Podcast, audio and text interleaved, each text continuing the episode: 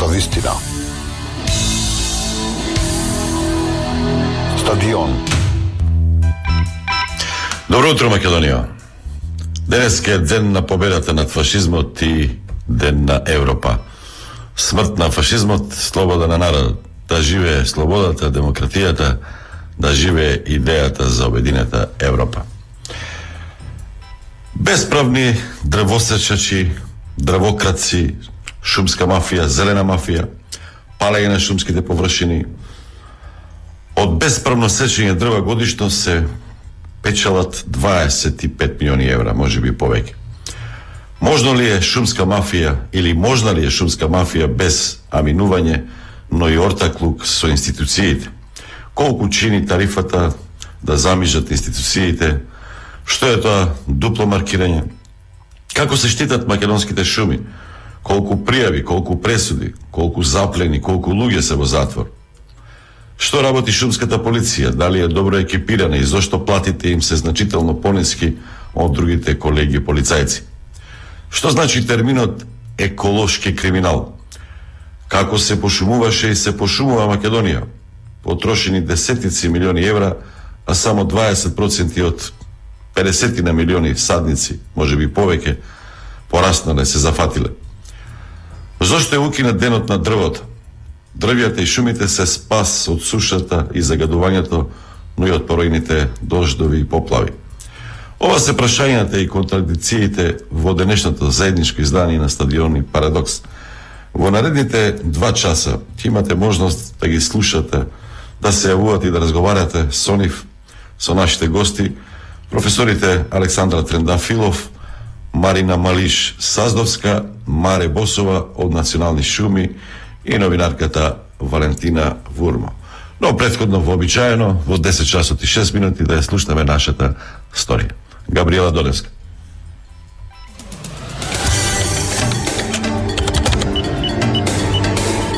Парадокс.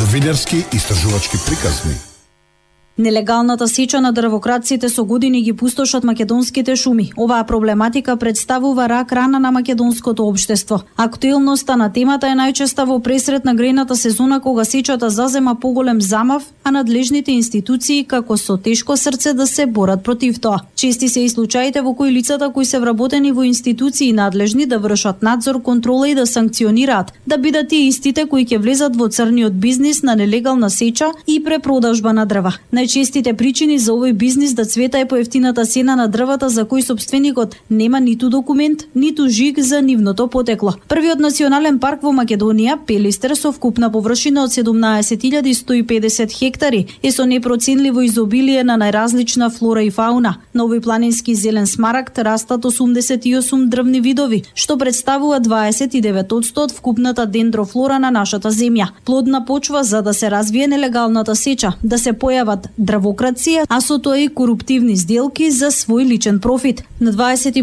јануари 2019 година Основниот суд во Битола донесе пресуда за службено лице командир на оделението за шумската полициска станица во Битола при Министерството за земјоделство, шумарство и водостопанство, кој е обвинет за кривичното дело примање подкуп од член 357 став 1 од кривичниот законник. Битолчанецот ЛЈ своевремено како командир на шумската полициска станица во Битола во текот на месец октомври 2018 година директно побарал за себе од сведокот БТ пари во вредност од 30.000 денари за во рамките на своето службено овластување да изврши службено действие што не би смел да го изврши, односно да се откаже од поднесеното барање за водење прекршочна постапка по член 69 од Законот за шуми против сопругата на сведокот БТ и правното лице Доел ТС товарен патен транспорт, поднесено од обвинетиот до Основниот суд во Битола, по кое барање на 26 октомври 2018 година. Во судот било закажано рочиште, пошто на истиот ден околу 14 часот во просториите на Основниот суд во Битола примил од сведокот 20.000 денари во банкноти од по 2.000 денари, предходно фотографирани од страна на овластените службени лица на СВР Битола,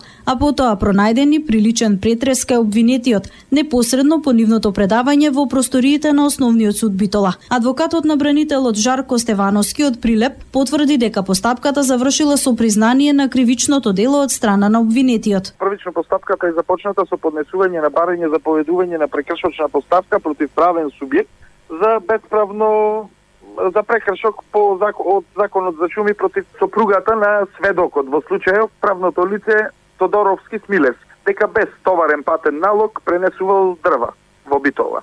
Врз основа на тоа, сопругот на управителот на правниот субјект пријавува во МВР во СВР Битола дека службено лице му бара одредена сума на пари за да ја запри прекршочната постапка, односно во прекршочната постапка која се води пред Основен суд Битола да даде конкретна изјава. Врз основа на тоа издадена е наредба за спроведување на посебна истражна мерка, симулирано давање и примање на подкуп, врз основа на која е извршен подоцна и претрес врз обвинетиот и каде се најдени да речам паричните средства кои симулирано му биле предадени на обвинетиот. Изјави Стевановски кој додава дека врз основа на тоа, основното јавно обвинителство поднело обвинителен акт од 30 ноември 2018 година и уште од почетокот на обвинетиот му било определена мерка притвор иако имало одредени аргументи во корист на обвинетиот во текот на постапката. Неспорни биле доказите на јавното обвинителство и постапката завршила со признание на кривичното дело примање подкуп од страна на обвинетиот pozíciót. Според пресудата донесена на 21 јануари 2019 година во постапката за признание на вина, обвинетиот командир на шумската полиција изнел дека не се чувствува за виновен за кривичното дело за кое се товарел. По поднесеното барање за прекршок до основниот суд во Битола била почната прекршочна постапка, а на ден 1 октомври 2018 година било закажано рочиште на кое не биле присутни представникот на поднесителот ниту обвинетите, со што рочиштето било одложено за на 26 октомври 2018 година. Нарочиштето во истиот тој ден во попладневните часови во просториите на основниот суд во Битола, обвинетиот командир примил од сведок од 20.000 денари во банкноти од по 2.000 денари, кои предходно биле фотографирани од страна на овластени службени лица од СВР Битола, а потоа при претреска обвинетиот непосредно по нивното предавање во просториите на судот биле пронајдени. Парите на обвинетиот командир во шумската полиција му биле дадени од страна на сведокот БТ во тоалетот на спратот во која била и судницата број 26, каде требало да се одржи судењето. Бранителот адвокат на обвинетиот командир од шумската полиција Жарко Стевановски вели дека постапката е правосилно завршена. Правосилно е завршена постапката. Не сум во последно време во контакт со мојот клиент. Не знам дали е има издржано казната во целост Обжалена беше првостепената пресуда и потврдена од страна на апелациониот суд. Изјави Стевановски. Од анализата на ризикот за корупција произлегува дека при вршење на работата на полициските службеници има ризик од корупција заради неприменување на правната регулатива и деталните процедури на работа. Интегритетот на полициските службеници е клучен фактор дали ќе се случи корупција или не. Корупцијата во полицијата најчесто се оценува како ситна, односно не опфаќа високи износи на подкупи подароци кои се во вредност помал помала од пропишаните казни, но најчеста незина појава доведува до висок кумулиран ефект за изградба на приходи од казни во централниот буџет. Платата која во моментов на шумските полицајци изнесува 18.200 денари, се посочува како еден од факторите за потик на корупцијата во шумската полиција. Развиената така наречена шумска мафија и дрвокраците во одредени региони од земјата е поголема дури од легалната сеча на дрвата. Се проценува дека токму во овој криминален бизнис се вртат големи финансиски средства убиства, што дури и човечкиот живот е поевтин од самото дрво.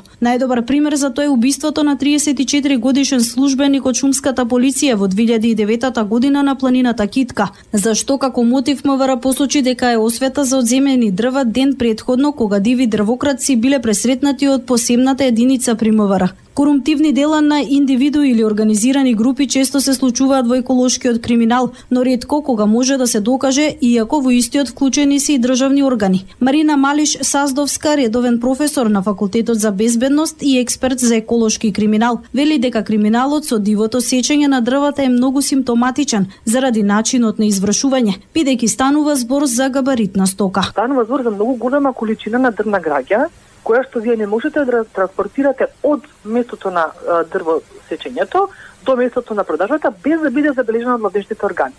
Значи тоа се шумски патишта, меѓутоа тие шумски патишта потоа што се нели во шумите треба да се симне робата до а, селото или до градот да се продаде, тоа значи дека корупцијата во одреден дел е застапена, заради тоа што таа дрвна маса мора да се транспортира од шумата до местото на продавање. И за да се избегнат тие моменти на контрола од било кои надлежни органи, се е, дава мито, односно корупција на дадениот службеник кој што се наоѓа во дадените региони. Овој криминал е поврзан и со јушното дело, дело перење на пари. Изјави професорката Малиш. Обвинителството и судството смета Малиш дека не се свесни колку овој криминал е сериозен, бидејќи казнената политика од страна на јавните обвинители и суди е блага. Немаме а, казни од затворски тип, туку претежно казните се парични или со условна осуда. Зошто е тоа важно? Тоа е важно заради тоа што самите сторители не се демотивираат во вршење на кривични дела во иднина, туку напротив, бидејќи немаат казна која што е адекватна за нивното кривично дело, тие се рецидивисти, односно повторници, односно повторно го извршуваат тоа кривично дело токму заради благите казни. Вели професорката. Од месец јануари до септември 2019 година до основните јавни обвинителства во државата од страна на секторот за шумска полиција биле поднесени 107 кривични пријави, донесени биле 484 пресуди од основните судови со кои се изречени казни од околу 374.000 евра, а при самите шумски акции одземени се 1800 метри кубни дрва, 39 камиони, 153 автомобили и 12 трактори. Здруженијето кое се залага за заштита и развој на Националниот парк Пелистер, бесплатен Национален парк Пелистер, на социјалните мрежи постојано објавуваат фотографии со бесправна сеча на дрва. Примерот од декември објавен на нивната фан страница преку фотографии укажува дека кај местото викано Цапарска пресека не може да се долови состојбата со слики за пустошот кој бил направен на оваа планина. Секојдневно по минимум 50 кубици борово дрво завршуваат по пиланите. Камион секој ден прави по две-три тури со долги широки трупци. Стои во нивната објава на бесплатен национален парк Пелистер. Како здружение барат одговорност од управата на националниот парк и јавно да се произнесат, а од надлежните барат да се истражи целиот случај и соодветно да постапат, но не е само Пелистер. Реакции за големи опустошени шумски површини има од шумите за Шарпланина, Скопска Црнагора, планината Плачковица, Велес, Штип. Дивата сеча и односот кон шумите, особено во Битола, е катастрофа, вели Душко Груевски, граѓански активист. Недоволните човечки и финансиски ресурси на шумската полиција ги посочува како слаба алка во проблематиката. Битола, особено под Пелистерието, тешко некогаш ќе се справи со тој проблем, се додека ресурсите човечки и финансиски на на оние кои треба да се справат со тоа не не добијат поголем поголема поголемо внимание и поголем буџет. Мислам дека ние да работевме на тој проблем, се покажуваа некои спекулации, но за тоа имав и некакви фотографии дека многу од од квалитетното дрво како граѓа се носи во во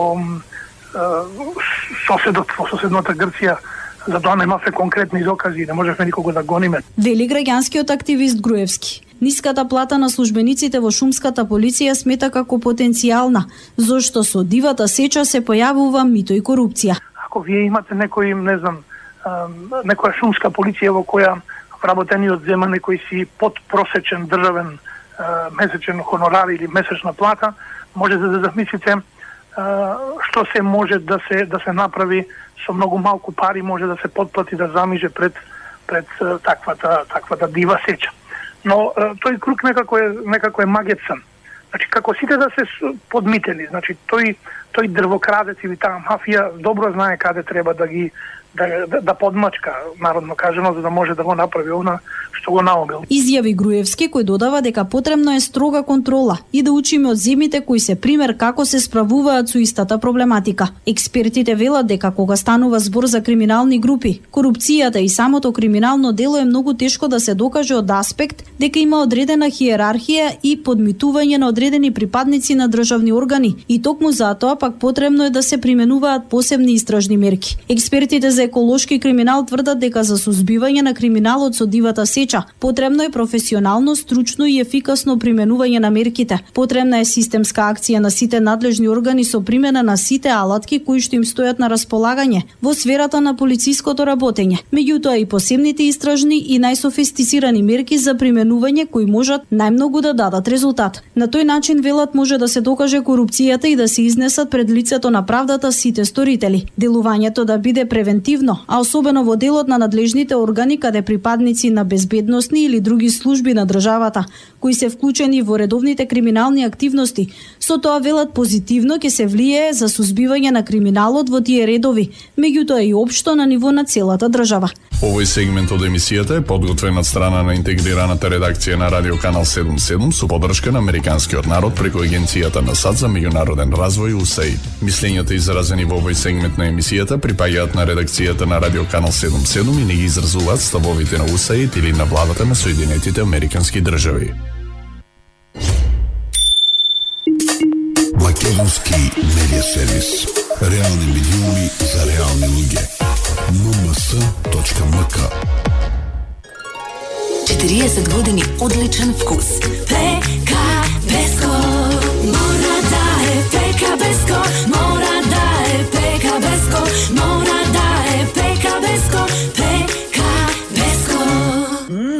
40 години ПК Беско. Забележа пречки, прекини и промени во квалитетот на сигналот на радиомрежа Канал 77. Извести на Вибер на 072 607 777 или на Facebook профилот на Радио Канал 77 за да најдеме решение. Бидејќи ништо не треба да ти пречи во дружбата со твоето милено радио. За совршено гастрономско уживање потребно е добар готвач, вкусна храна, релаксирачки амбиент, убав поглед, квалитетна услуга и добро друштво. Од дома понесете само друштво. Останатото веќе ве чека во Радио Кафе Канал 77. Стадион. Емисија за вашата вистина. Јас слушам песторијата. Габи, а, на суд многу малку работи од овие малку што ги фаќаат надлежните органи стигнуваат и завршуваат со некоја пресуда. Плюс, пред она што го видов, многу се мали казните. Така што леве еден податок ќе споделам во однос на на ова прашање. Податоците велат дека во изминатите 5 години поднесени се 150 кривични пријави против 264 службени лица, од кои се думина се полициски службеници, а другите се вработени во шумската полиција, Министерството за земјоделство, шумарство и водостопанство и национални паркови. Ваквата информација дава Министерството за внатрешни работи. Да, токму тоа казните се многу благи. Според експертите, ја слушав ја слушнавме и професорката Малиш која што во историјата вели дека благи се казните за оние кои што прават пустош во шумите. Најверојатно и тука е проблемот кога станува збор за оваа проблематика дрвата сеча бидејќи е, тоа е предуслов за е, истото дело делото повторно да се повторува се почесто и се почесто да ги гледаме е, дрви, да, дивата сеча да да ја гледаме постојано. Меѓутоа исто така како како проблем е, се и неинволвирањето на од страна на надлежните институции кои што пред нивни очи се случува тоа меѓутоа не реагираат и не го санкционираат овој проблем. Че нема површина која што не е засегната. Имаат ли атрактивни некои Па да. делови или секаде каде што може Ние го споменавме тоа во историјата Шар планина, меѓутоа има и Пелистер исто така е а, атрактивно подрече каде што во подоцна и во емисијата ќе споделиме и сам коментар од страна на Националниот парк Пелистер кој што подосна не сконтактира од како веќе завршивме нели со историјата, имаат свој коментар во однос на дивата сеча кои што граѓани често реагираат во однос на на оваа проблематика и, и таму и, од самото друштво го бараат решението, односно бараат одговор од самите институции зошто тоа се случува, зошто не се казнува. Да, националните паркови треба да бидат строго заштитени во секој поглед, ама ете и тие се на удар, не можат надлежните органи и институции да го спречат тоа. За шумската полиција ќе зборуваме малку повеќе. Поросна на линија би требало да имаме професорката Марина Малиш Саздовска. Професорка, дали се слушаме? Добар ден, се слушаме. Добар ден. Е вака, ај прво терминот еколошки криминал. Да го објасните. Што е тоа еколошки криминал? Значи, под еколошки криминал ги подразбираме сите кривични дела кои се однесуваат против животната средина. тука се офатени сите поведенија со кои се загрозува животната средина и тоа сите екосистеми вода, почва и воздух. Се разбира дека се фатени и други кривични дела, како што е да речеме мачење животни, кое што во нашата држава е исто така застапено, или пак илегална трговија со заштитени видови, опасен отпад, радиолошки отпад и некои други кривични дела. Значи, секое поведение на човекот, со кое што се врши загрозување на животната средина, спаѓа во делот на еколошкиот криминал. Она што е добро што нашиот законодавец има предвидено во кривичниот законник на Македонија една посебна глава 22 која што се однесува специфично само на овие кривични дела. И она исто така што е добро што во одредени членови на законот е предвидена одговорност не само на физички, туку и на правни лица.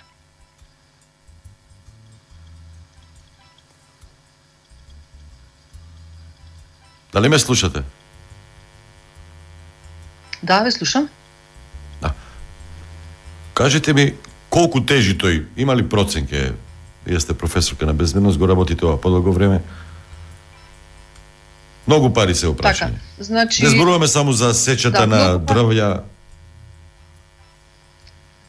Да, да. Значи, овој криминал е доста сеопфатен. Меѓутоа, она што е проблем е што се наоѓа на маргините на обштественото реагирање. Тоа би значило дека некако на прв план се некои други кривични дела, а овој криминал не се застапува многу во постапувањето во криминалистичките истраги за жал. Но како и да е, се разбира дека многу голема сума на пари е во прашање, бидејќи наместо да се изградуваат одредени пречистителни станици, да се опремуваат депони, да се вработуваат луѓе, да се сервисираат филтрите на оджаците и така натака, сето тоа доколку можат сторителите го користат и не ги исполнуваат тие стандарди за заштита на животна средина. Значи, имаме проблем со неспроведување на законот, затоа што кажавте има посебна глава опфатен е тој еколошки криминал, меѓутоа имаме ли увид колку по тој основ се казнети, колку завршиле во затвор, колку финансиски товар добиле, затоа што велите дека многу пари се во прашање. Значи, Завод за статистика на Македонија води детална евиденција во однос на она што е сторено кривично дело и ние имаме точна бројка на откриени кривични дела.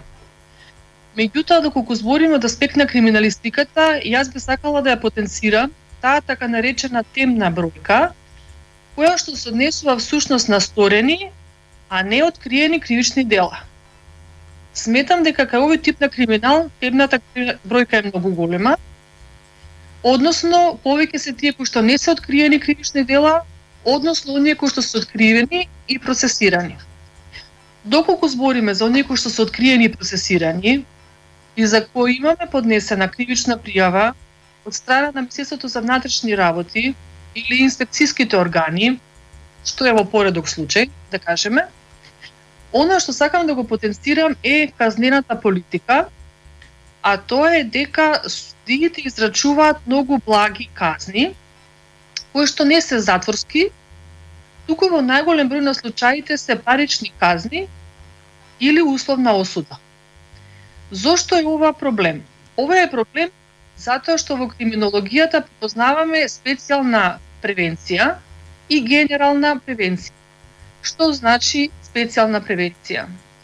Тоа значи, ако го казните сторителот со висока казна, тој може да не го повтори делото, плашен од последиците од казните. Но, доколку казната е блага, тогаш сторителот повторно го сторува делото и се јавува како рецидивист, односно повторник. А, единствена казна што сторителите ја сметаат дека е казна за нив е всушност одземањето на средствата со кои што го сторуваат делото, а тоа се трактори, камиони, моторни возила, моторни пили и така натаму. Значи тука е поголемата материјална условно да кажеме казна за сторителите, додека судската казна е многу блага. Вториот сегмент на превенцијата е генерална. Тоа значи ако вие делувате превентивно кон конкретните сторители, ќе делувате превентивно и во целото општество. Тоа значи дека останатите лица кои што би сакале да го сторат тоа кривично дело, а гледат дека сторителите се строго казнети, може би ќе ги одвратиме од сторување на тоа кривично дело и ќе делуваме превентивно. Но мојот акцент сакам да го ставам на пустошењето на шума од аспект дека во најголем број на случаи го сторуваат организирани криминални групи кои што не можат да делуваат на територијата на земјата доколку не се поврзани со коруптивен начин со некои од безбедносните служби и органи затоа што станува збор за голема количина на илегално сечена дрвна граѓа. Да, се споменува некоја да сума 20-25 милиони евра годишно. Да, цифрата е многу голема и е, во голем број сторителите се организирани криминални групи, чија цел е противправно придобивање на материјална имотна корист. Додека оние останатите сторители кои што се од екзистенцијални мотиви, значи пошто се сиромашни не може да се приуштат на друг начин домашно грејење, тоа е многу мала бројка од статистиката на сторители на кривични дела на пустошење шума. Професор, ќе се вратиме кај судиите. А, несериозно го сваќаат Значи, не станува збор за убиства, за тешки кривични дела, и овие се тешки. Ние сме навикнати на сосема други приказки од судските анали. Еколошки криминал, по инерција не го сваќаат сериозно или станува збор за врзан систем некој, пак доаѓаме до корупцијата? Јас сметам дека обвинителството и судството како клучни органи во правниот систем кои што ги процесираат кривичните пријави за еколошките кривични дела се недоволно едуцирани во тој поглед во однос на последиците, во однос на сериозноста на кривичното дело, во однос на последиците кои што се сторуваат врз животната средина и така натаму. И сметам дека со нивна подобра едукација би ја сватиле тежината на овој тип на криминал и може би би ја промениле својата судска практика. А само еден сегмент да им кажеме. Ако после поплавите 2016-та не сватиле колку е сериозно тоа, влијанието на бесправната сеча неконтролирана на појавата на поплавите, човечки жртви имаше колку близу 30. Ако така. тоа не е доволен момент за да го сватат сериозно еколошки криминал, тогаш не знам што друго да кажам.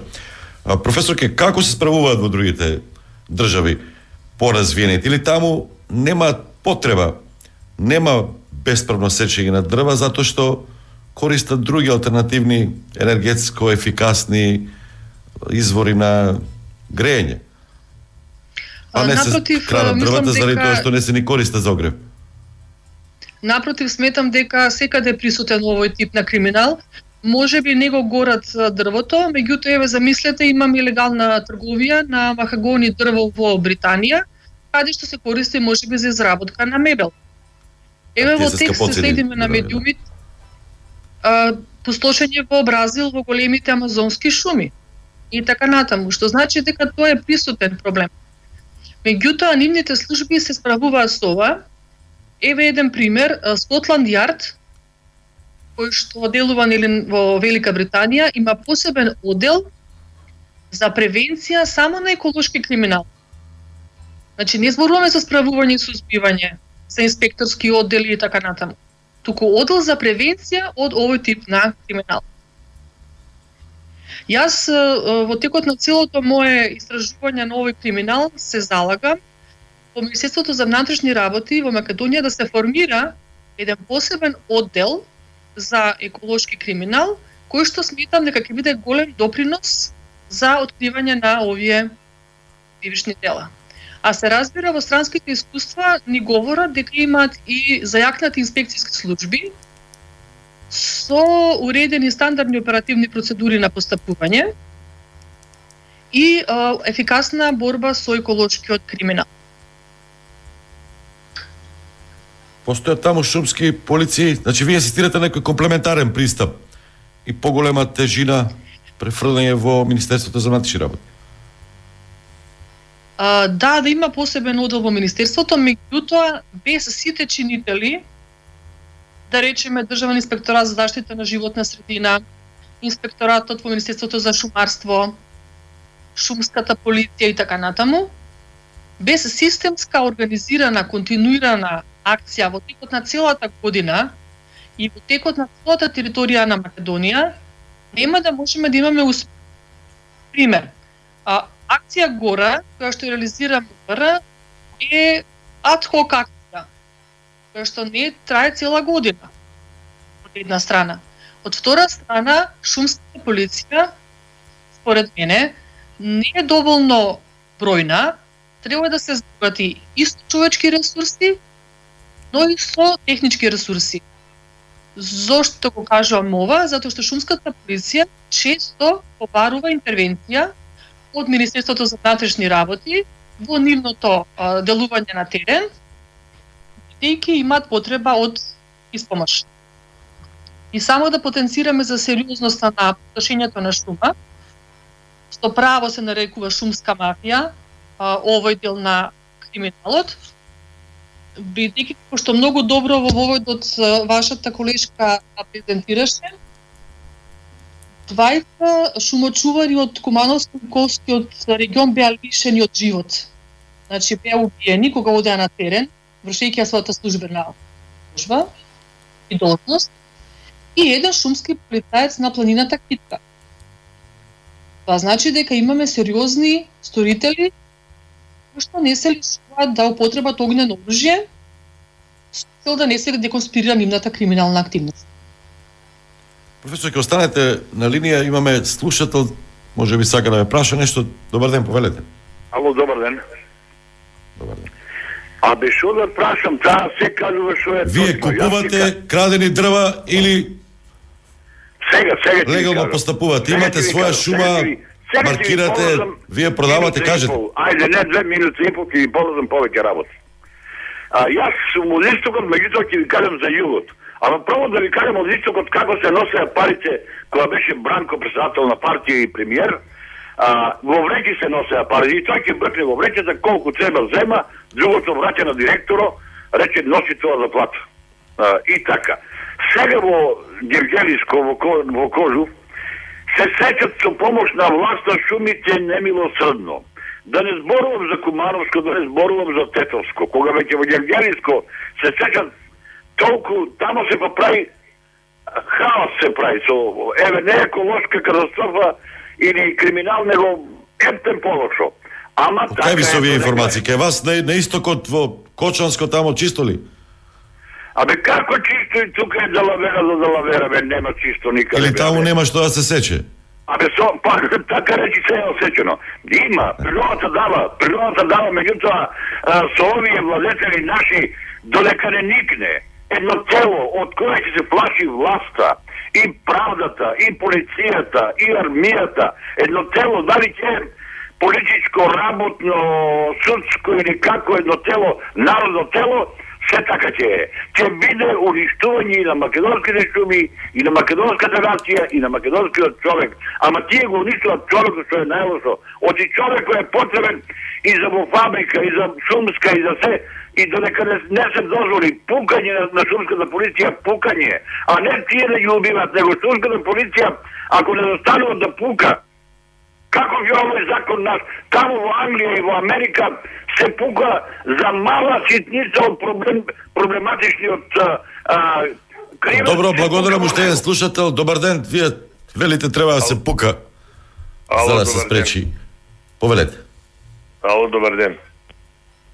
Видете, за да слушам. дискутираме на оваа тема, треба да имаме, требало да има допир човек со таа проблематика и да ги лоцира проблемите каде се. Вие зборите за митот и корупцијата, за нелегалната сеча. Но што ќе правиме со митот и корупцијата при легалната сеча? При легалната сеча. зошто? Прво, Ај ќе земете прашаме дека професор како се е, објасните го тоа. Еве сега го, вака ќе мито ви и корупција кажам. при легална Дали сеча. имате дали имате шумски инженер кој може да ви каже што е дрво покрај пењушка? А што е класа дрво? Дали е во законот е дефинирано да, да кажеме точно што значат одредени категории на дрва? Да кажеме што е прва класа дрво, што е дрво покрај што е да не кажам гранки. Ако вие земете денеска да ги легитимирате овие што сеча со документ дрва, ќе видите дека сите имаат дрво покрај. И сега се поставува прашањето. А што правиме со ние стеблана, што ги викавте вие а, а, што се сечени? Знаете ли со каде е играта? Тука имате игра затоа што ова дрво покрај пењушка е многу поскапо кога добивате дозвола за сечење, отколку да добиете дозвола да сечете трупци. Бидејќи дрво покрај пењушка по некоја класификација треба да биде дрво не подебело од 10 сантима на едната страна од накот. А вие кој ќе видите дека со такви дрва се се издава дозвола и се дава дозвола за транспорт на чепаници, што се вика од едно стебло и сечено на повеќе. Прашањето е, тоа е легална корупција што се прави. Тоа е една работа. Втора работа, зошто македонски шуми дозволува приватњаци да сечат по шумите? Македонски шуми при толку вработени дават дозволи за сеча на дрва на приватни фирми и приватни лица.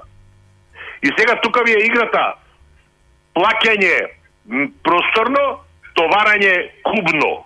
Не знам дали ја знаете таа игра. Ако то платите 8 мета просторни, товарате 12 кубни. Па сега тие 12 треба да ги мерите дали ќе бидат метро на метро или ќе бидат метро и 20 околу метрите исто и тука има некоја игра. Знаете, лесно е да се нападне некој да дека прима мито. Но прашајте ги по кој по која класификација шумското дозволило да кажеме еве сега ќе кажам за Скопскиот регион. Од Китка до Драчево да стигнете еден камион со дрва ви дава 4 часа. Да знаете што е 4 часа денеска за еден а, спретен а, шверцер на дрва? Две тури. Да направи со една иста дозвола ако него сопре полицијата. И сега вие треба да врзете патрола на шумскиот пат, што денес 8 сата само тоа ќе ги контролира дрварите дали ќе симнат една или две тури. А при тоа имате еден куп проблеми што треба да се бави, да не кажам, министер. Знаете, во државава се се сведе дека Министерството за внатрешни работи треба да ги решава работите. Добро, вие како пранешен полицаец, колку што знам, сега Па мора малку субјективен да бидете. знаете, Ама ги напаѓате, пазете, напаѓате а, неодговорно се напаѓа Министерството за внатрешни работи и вработените внатре. Затоа што вие имате патрола што сте пуштиле денеска да помине низ пет села, а при тоа тие луѓе ги напаѓате дека примаат мито затоа што ги пуштаат дрварите, а они треба да идат на други интервенции. Не е тоа, пазите, така едноставна работа само да се каже дека се зима. Да, има, еве ја ви ја ви кажам, што правиме со а, голата сеча што се спроведе после секој пожар. Зошто дозволува државата гола сеча на секој пожарено дрво? Дали сите дрва после тој пожар не може да, да го да ја обнова својата вегетација? Може. Знаете зашто? Па кого да, да го прашате вика гори тревата, не гори вика дрвото нагоре, ама тие доле малку пожарени, они удри гола сеча. И после се криви се овие, криви се оние. Втора, третата работа што сакате на, на крај крајава, се додека примате кадри кои не ги проверува, кои не поминуваат низ филтрите на државниот апарат, секогаш ќе имате корупција, толку пријатно. Благодарам. Професор ке коментар на двајцата слушатели и уште едно прашање да ви поставам па да ве ослободиме. Значи, слушателот е во право дека постојат различни видови на корупција, меѓутоа ние во ниеден момент не кажавме дека само Министерството за внатрешни работи има припадници кои што се корумпирани. Прво да се разјасниме дека не се сите припадници во МВР корумпирани. Меѓутоа постои еден дел кој што е во спрега со сторителите на кривичните дела. Во делот на, јас би рекла така наречениот модус операнди, или начинот на извршување на кривишните дела, и воопшто не навлеговме во таа сфера да ги објасниме кои се сите начини за кои што се врши ова дело. Слушателот е потполно во право. Дали и во класификацијата на дрвната граѓа има одредени проблеми, секако дека има и можност за измама. Ние во еден момент не спомнавме дека како модус операнди се јавува, на пример, класификување на документи. добивате дозвола за сечење на да речеме 15 кубици, со додавање на една нула тоа станува 150 кубици. Во тој случај имаме соработка со шумочварската служба, која што исто така може да биде корумпирана од страна на сторителите и заедно да го вршат тој тип на криминал. Значи, начинот на извршување или, што велиме ние во криминалистиката, модус операнди е многу специфичен и никогаш еколошкото кривишно дело не оди само за себе. Туку најчесто е поврзано со измама, со класификување на документи, а на крајот на криштата и на перење пари, бидејќи тие пари треба да влезат после во економскиот тек на државата. Така што проблемот е многу специфичен и пак ќе кажам, не само Министерството за внатрешни работи, туку јас ги наведов и шумската полиција, инспекторатот во шумарството, Државниот инспекторат за животна средина и многу други инспекцијски служби треба да бидат богатени со адекватен број човечки ресурси и со технички средства. А, само да му кажам на а, гледачот, слушателот, дека мојата докторска дисертација беше на тема посточење шуми и јас ги поминав сите шумски полиции во Почаништи, во Ландово и во тој дел на Македонија. И многу добро сум запознаена со проблемите на шумската полиција, со работниот стаж, со условите за работа, менување на вистините во текот на еден ден, дали има потреба да има бенефициран стаж и така натаму и така натаму, има многу голем број на проблеми што се јавуваат тука.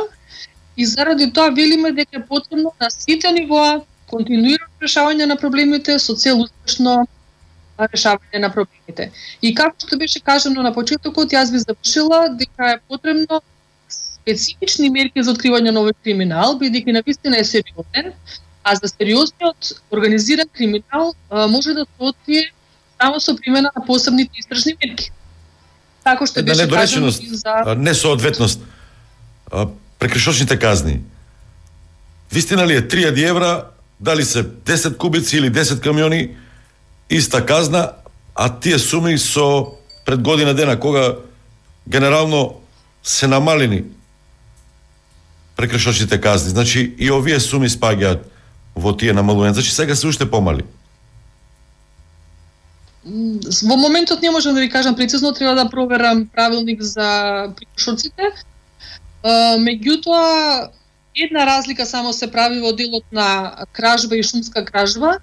До еден кубик дрво е обична, се смета кражна, кражба, а над еден кубик се смета дека е нели пустошење шума или шумска кражба.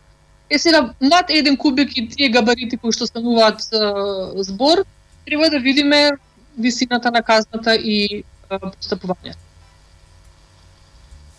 Професор Ке, а, за крај само да ми кажете, таа еколошка агенда е една од најтешките во тие преговори на патот кон Европската Унија.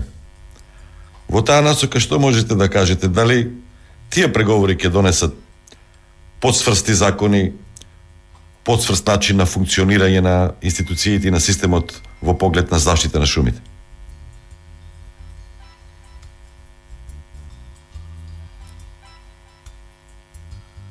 Значи се исклучи професорката. Ако се исклучи да ги пуштиме слушателите. Добар ден, повелете. Добар ден. Добар ден. Ве слушам, повелете. Ај, па така кажи. Добар ден, кажи ми. Кажи ми добар ден. Ај. Добар ден. Ете така. Добро ве најдов. Е, види се, ова за, за сечите, за шумите, станува збор или било како убито и корупција општо земен. Да, да, за шумите, за дрвократците. Шумска А, мафија. Сега добро утро. Овај, пошто реков добар ден. А, јас тоа го, го, уште пред 10, 15, 20 години. Маријановиќ најшто викаше, тоа е тешко кривично дело убиство на стотици илјадници луѓе. Професор по кривично право. Ценет човек интерпретација че тоа во надвор од Македонија. И како вика сега, а, тој убива илјадници луѓе, пали шуми колку души се фатени и знаеше столе кај лежи а, а, зајакот. Не, прво ќе ти кажам помалиот, а после поголемиот зајак. Помалиот што не се кажуваат имињата на тие што ги палат шумите. Понатаму, пак во врска, во, во врска со помалиот заек, што не, не се многу ниски се казните. Добро е, че ти 3000 евра имамо таму. Тоа казна ли? Тој ќе направи штета за, за милиарди евра, не милиони евра, милиарди за тоа што уништува животинскиот свет, уништува растителниот свет. Па еве гледаш беше напред, тоа е уништување на човештвото. Амазон се запали колку две Европи што се вика. Овој Сибир колку цела Европа. И зборуваме за крадење на дрва за огрев. Меѓутоа, таму има во другите држави, па и кај нас, заради градење. Значи имаме тука и влијание на урбанизмот, просторното планирање. Имаме уништување на шума заради обезбедување на плодни површини. Те, добро, добро, те, те разбирам. Обработливи. Ама ситница, тоа требаше ше 15, пред 15 години јас го зборував, па никој не ме слушаше. Значи, кога тргнав, да речеме, од еден град према Битола, на три места во исто време се палеа шумите. Еве сега ти кажам иде Удово, кај Кавадарци и Битола веќе беше пред да, да, да се запали цело. Не може тоа да е случајно. И а, друго, нешто, врто, во врска со мито и корупција. А, митото и корупцијата го донесува невладините. Во проектот на, на невладините вика тотална изолација на некои групи ранливи, да речеме, ваѓајќи муабети, како да ти кажам, курвиско, наркоманско, педерашки, секакви сидашки муабети, тотална изолација. И, и лјадници луѓе во Македонија, клошари, зимаат пари во врска со таа програма. Тоа нели е мито и корупција? Има ли некој да влезе од јавните значи чекајте и се тоа отворено што од каде ти во твојата програма? Они земаат пари за да работат против корупцијата. одеше Не земаат пари за да прават корупција. Тоа работа бе господине Ценети. Тие седнале таму се пијанчат од кафана и сега пази не, не, не да мислиш да те следат да те прават параноичен, него тие од човек на човек ги шират тие пандемија на лаги, разбираш, не контактирајте ваков е, таков е, онаков е, никаков. Значи, од човек на човек, од легување до излегување, од дење, ноќе, лето, зива, таа е таа пандемија експеримент. Тоа не ли е Добро, благодарам, уште слушател. Добар ден, повелете. Ве слушам. Ако сте се уште на линија режија. Добар ден. Јас ве слушам. Вие дали ме слушате? А, слушателот се исклучи. Одеме понатаму. Реклами. Па после тоа ќе ја слушнеме Аница Симонова, раководител на сектор шумска полиција во Министерството за земјоделие, шумарство и водостопанство. Значи, токму на тема шумска полиција зборуваме со раководителот на овој сектор во Министерството за земјоделие, Аница Симонова. Забележа пречки, прекини и промени во квалитетот на сигналот на радиомрежа Канал 77. Извести на Вибер на 072 607 777 или на Facebook профилот на Радио Канал 77 за да најдеме решение. Бидејќи ништо не треба да ти пречи во дружбата со твоето милено радио. Македонски медиа сервис. Реални медиуми за реални луѓе. mms.mk За совршено гастрономско уживање потребно е добар готвач, вкусна храна, релаксирачки амбиент, убав поглед, квалитетна услуга и добро друштво. Од дома понесете само друштво. Останатото веќе ве чека во Радио Кафе Канал 77.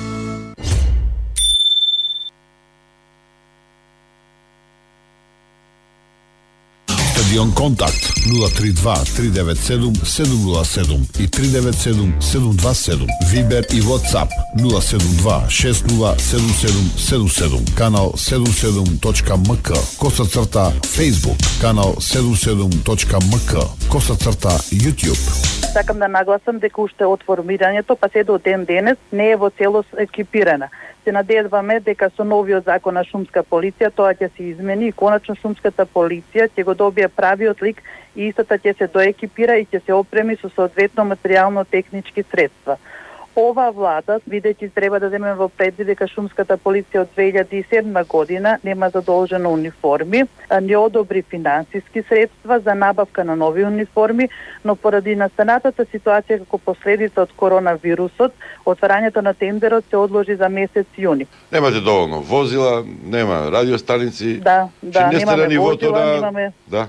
Немаме возила, немаме радиостаници, немаме задолжено од 2007 година како што потенцирав униформи. Има проблеми со платите.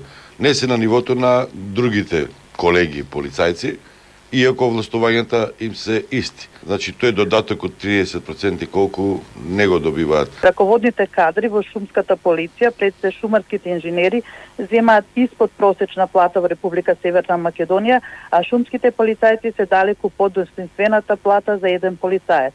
Се нагласам дека и предходниот министер Јупчо Николовски и сегашниот министер Трајан Димковски не поддржаа во дело за подпишување на колективниот договор со кој би се решиле многу отворени прашања во делот на платите на шумските полицајци, но имавме несогласување помеѓу двата синдиката УПОС и независниот синдикат и не се подпише колективниот договор.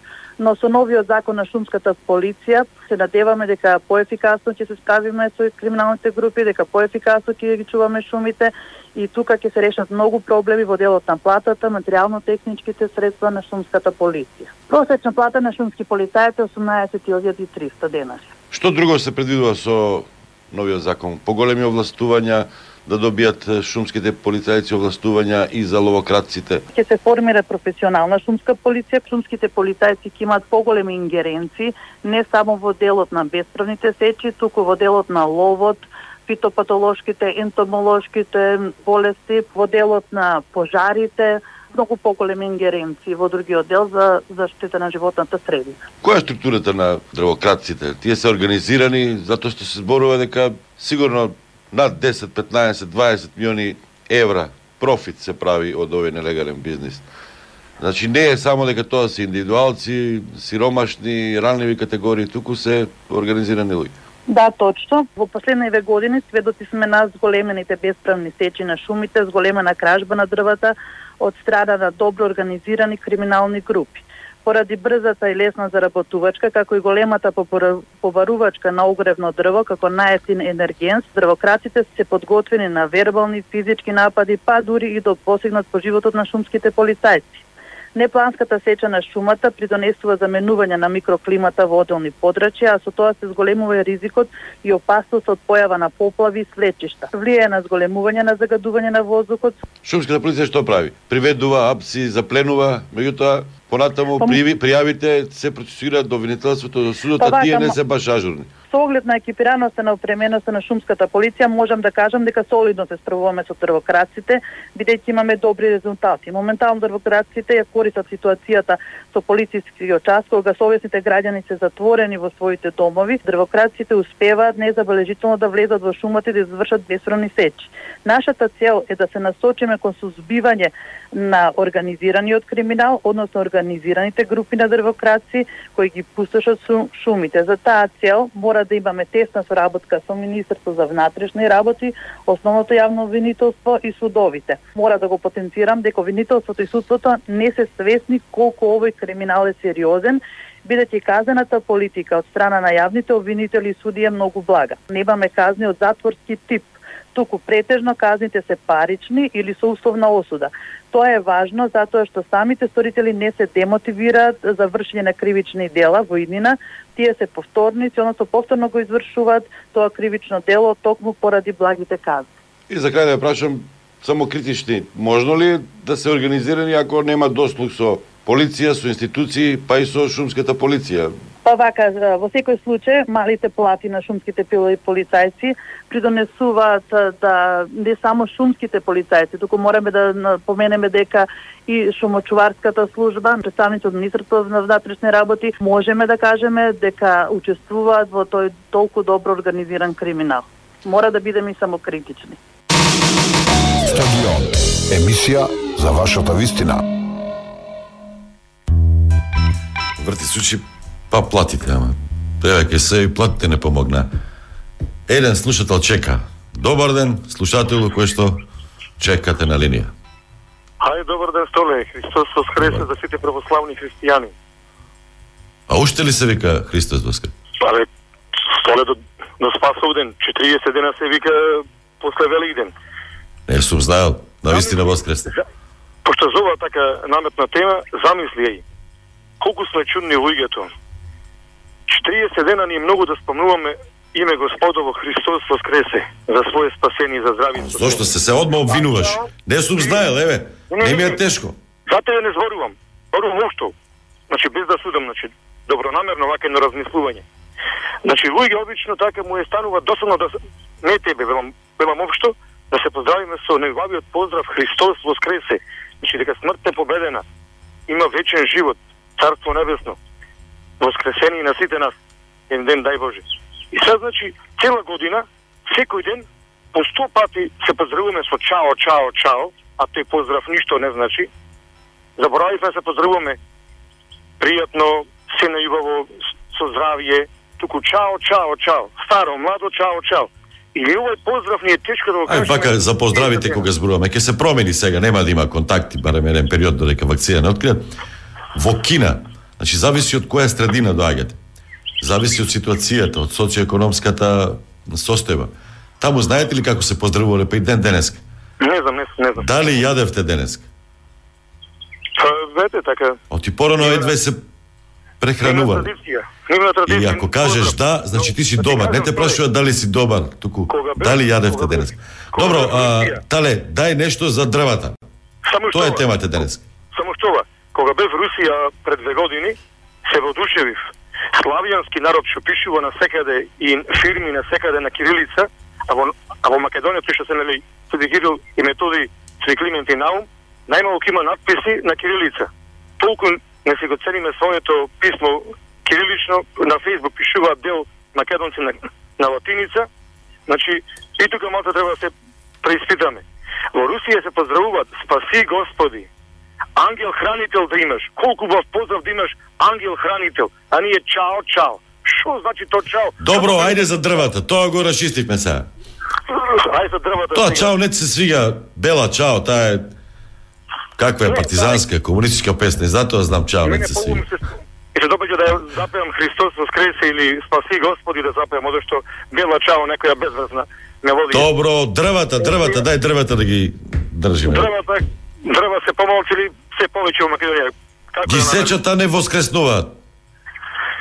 Се за жал има се и се што кога Шуми. човек кој, кога има значи луѓе кои не ја сакаат шумата, кои не ја сакаат природата и сакаат да заработат преку ноќ така пара, има такви работи, но дај Боже да и, и тој проблем да се реши да има масовно пошумување, не да има инет како на овие и Savez за комуниста кога ја саботира толку убава акција на Борис Трајанов нали за пошумување, ти ја саботира им беше поважен партискиот интерес, одошто пошумена и зелена Македонија, насто сложни заеднички да бевме и партии и народ на таа акција за пошумување што нали направи Борис Трајанов тие ќе го раснеја Тама испада дека тоа популизам било. Да, Многу малку од тие, дали споменав некоја бројка, 20% од над 50 милиони садници се зафатени.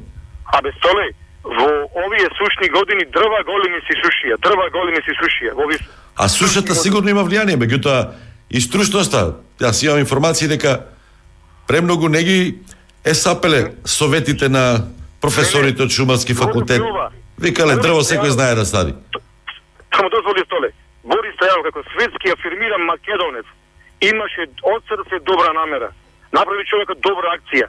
Ако ако во СФРЈ овие комуњари нели во туѓи држави сега републики пошумуваа правеа работни акции, зошто за во својата Македонија за околу својот град саботираа првова акција од Борис Трајанов?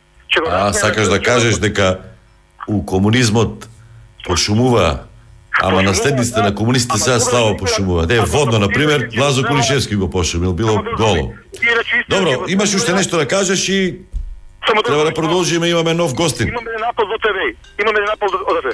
Ова емисија еднаш неделно в два часа беше наша емисија. На јавно мислење на на граѓани на Македонија, на ваши ќе саботира и таа емисија.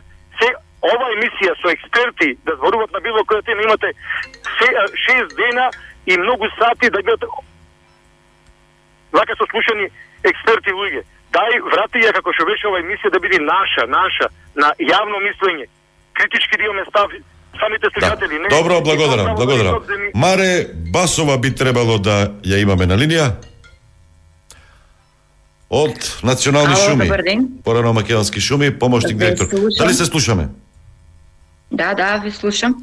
Е, слушавте до сега, е првично вашиот впечаток и коментар на ова сето што го слушнавте. Па коментарот на без, за бесправна сеча и за заштита од пожари. Значи, јавното предпријатие уште од самото основање ги реализира работните задачи поврзани со напредување заштита на шумските ресурси по принцип на одржлив развој. Меѓутоа, шумарството самата како гранка е многу сложена, имајќи го предвид стопанисувањето со шумите бара реализација на дејности од јавен интерес, кој што е поврзано со шумите од една страна и работењето на профитабилна основа од друга страна.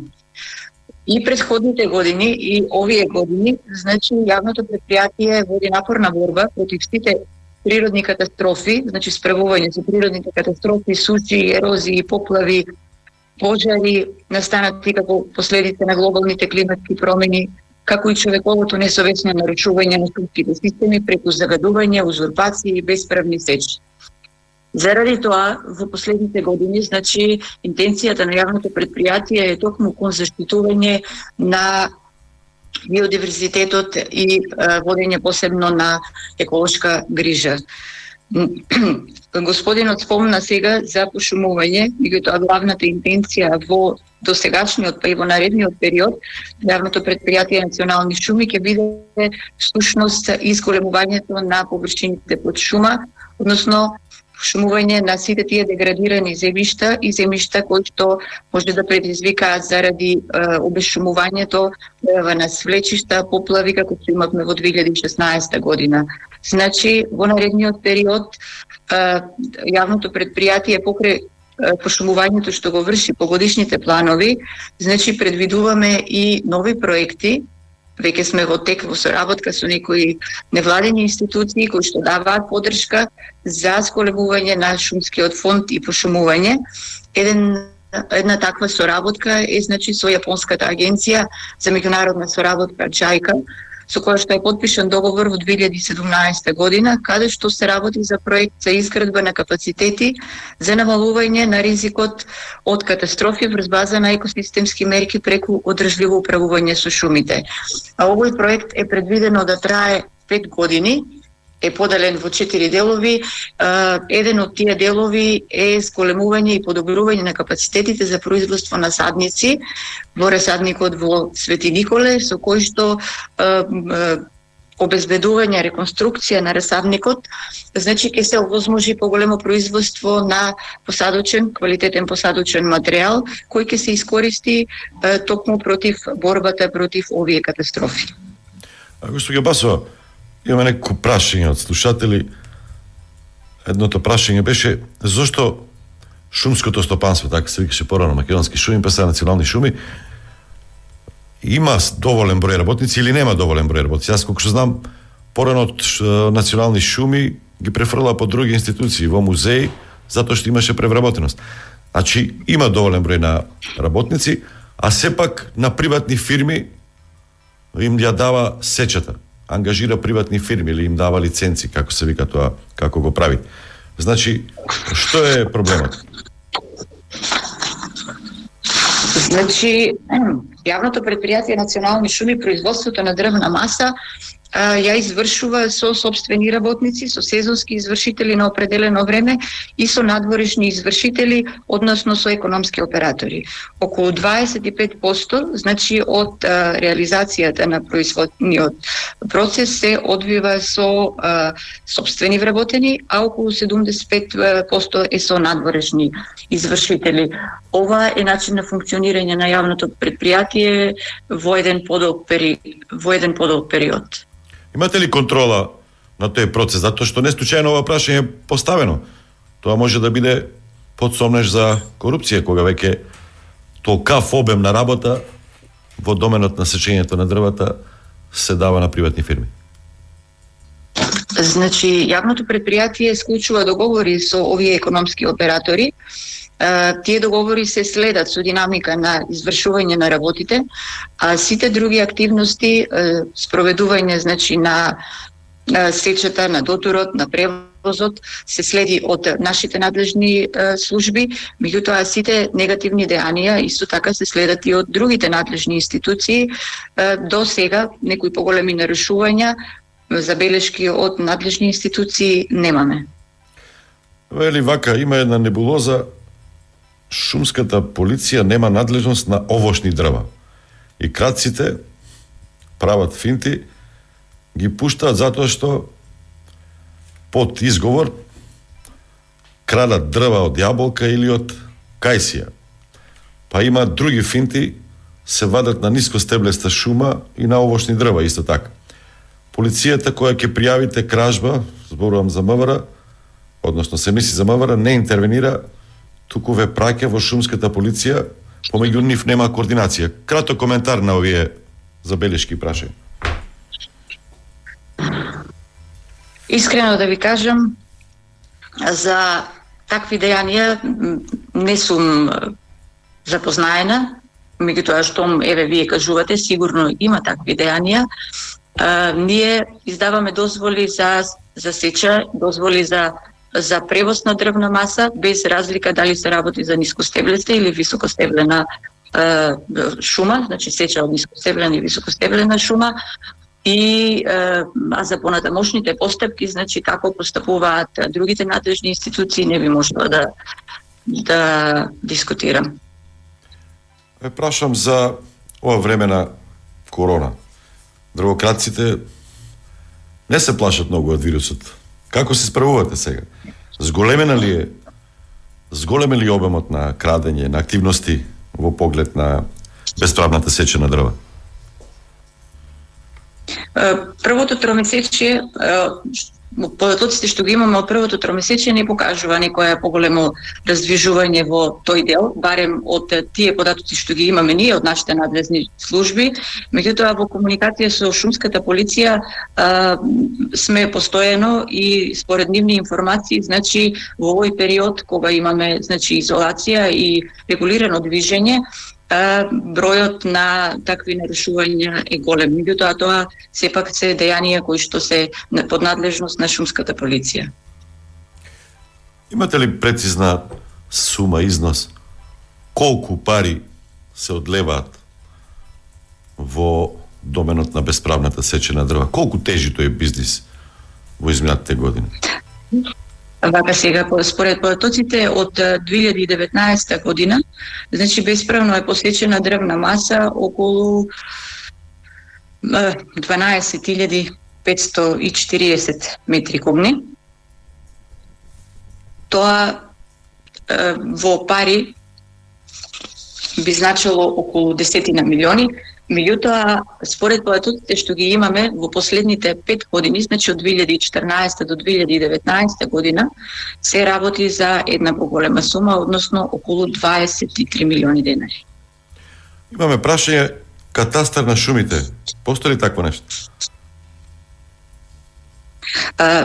катастер на шумите мислам дека се работи се уште за премерен катастер немаме одредени парцели, значи детален катастер, не е извршен на шумските површини и сега при определување на приватните од државните шуми, значи приватните собственици се должни да ангажираат приватни геодети и да се направи премер и точно одредување на катастерските парцели, меѓутоа глобално не. Уште едно прашање. Корупција при легална сеча. Нелегалната сеча, дивото крадење или дивото сечење, тоа е една работа, меѓутоа се, зборува за злоупотреби при легална сечење, односно класификација на дрвата, селектирање, маркирање, се дава дозвола за сеча на одреден вид на дрво, а се сече друг вид на дрво. Значи, зборуваме за нешто што се случува помеѓу дрвокраците и помеѓу институциите кои што треба да штитат да ги штитат шумите.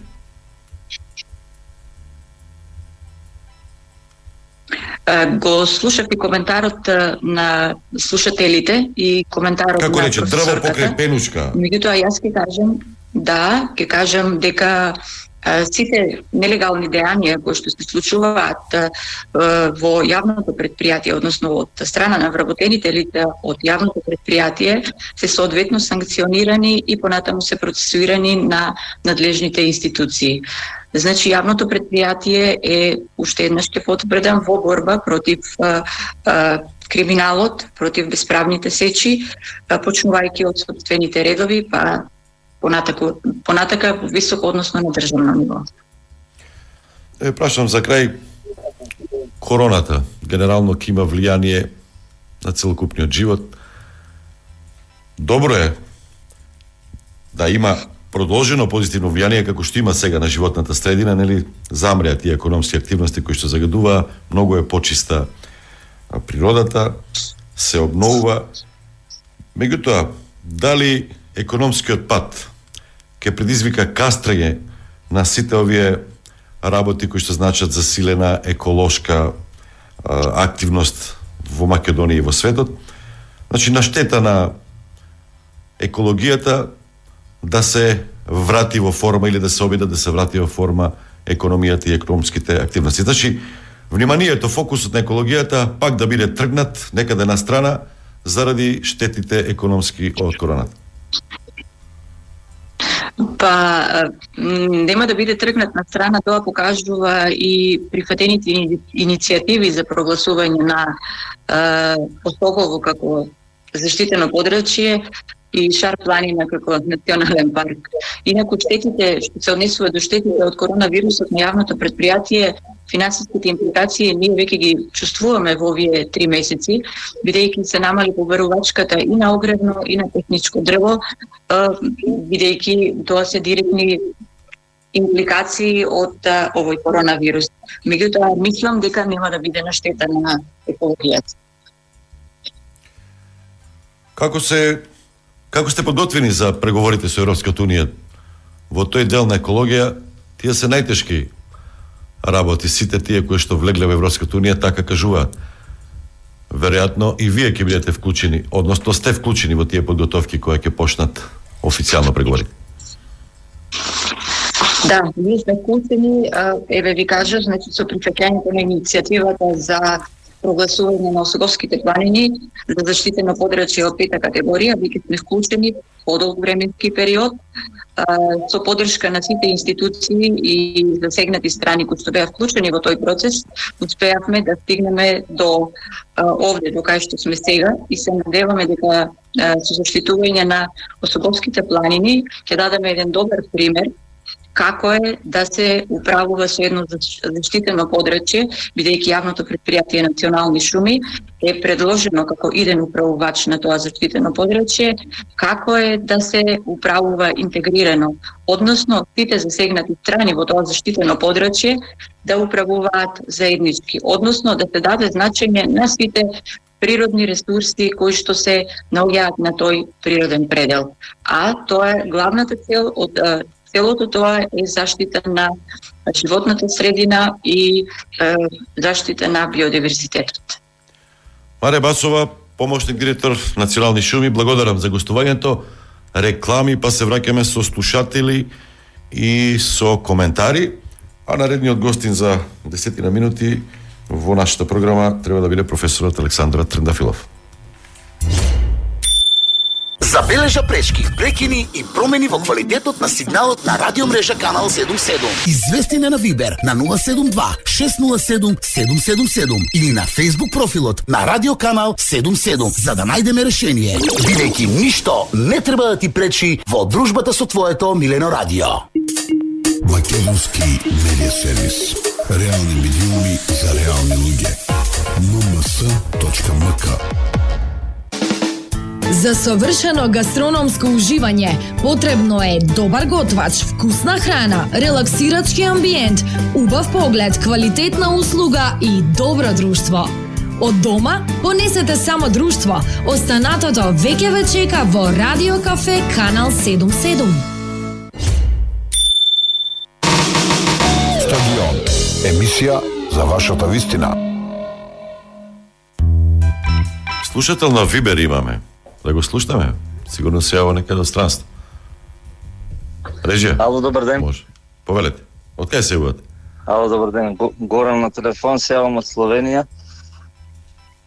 Од Ај кажете ми кратко таму сега се лабави ситуацијата, вонредните тие мерки се намалени, работат угостителските објекти. А,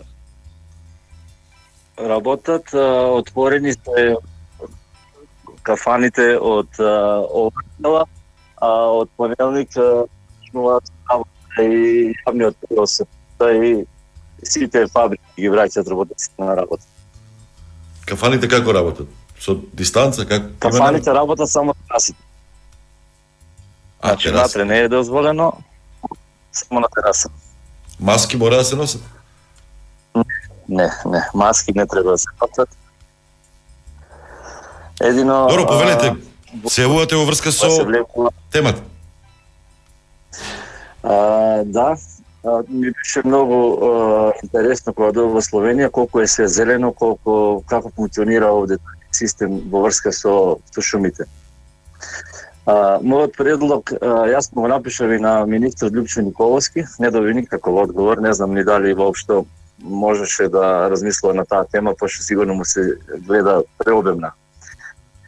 А, прво и прво треба а, по, мислим погледано уназад, нели, а, 4 после 45-та луѓето ги давале шумите за да добијат а, детски додаток. Тие шуми понатаму а, земјоделските задруги ги срамнија со тие бенкиња, ги направија големи ораници, а, кои биле природни шуми пред тоа. Значи, сега а, државата е очигледно дека е а, слаб а, слабо се грижи за за шумите во Македонија. По примерот на давање на земјиште на плодоуживање треба да се даде шумата на на, на користење на на на сите е, луѓе што живеат во село по 10 хектари површина. А на тие луѓе а, да не им се дава никаква бирократска обврска, така е во Словенија. Секој што има шума може да појде кога има време да пресече, да да продаде, да однесе дома и така натаму. Ма треба да се обнови тоа. Секој регион има по еден логар се вика, тука ајде шумар да го речеме инженер, што во наоѓа време во текот на годината секоја шума да ја посети и маркер означува кое дрво треба да се сече, кое не. И а, газдата на шумата сече само тие дрва кои што се означува. И тие дрва се за огрев.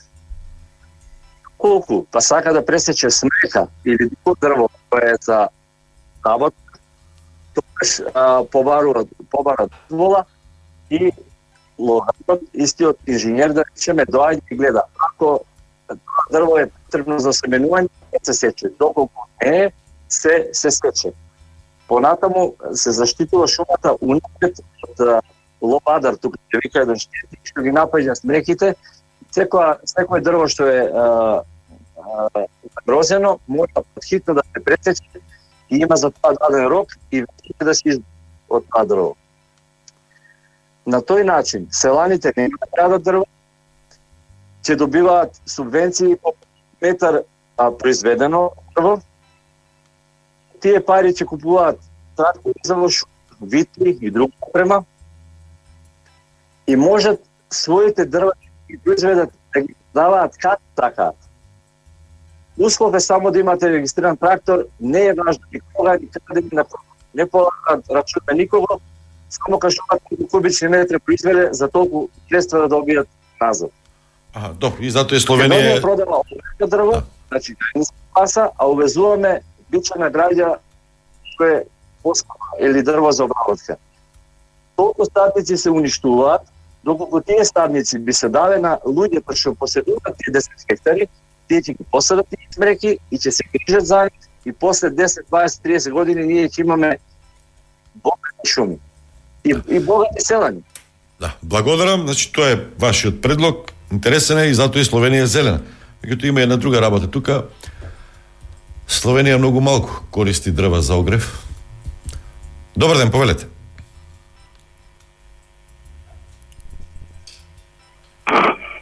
Ве слушам.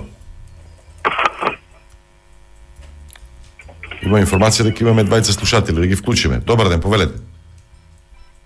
Сега не знам дали сум јас вклучен или друг. Вие сте, вие сте вклучени. Добро. А, значи, за Словенија, ќе кажеме дека во Словенија живее друг народ, да малце да коментирам на слушателот, во Македонија живее друг народ. И затоа малце потешко се спроведуваат законските регулативи во Македонија за разлика од Словенија.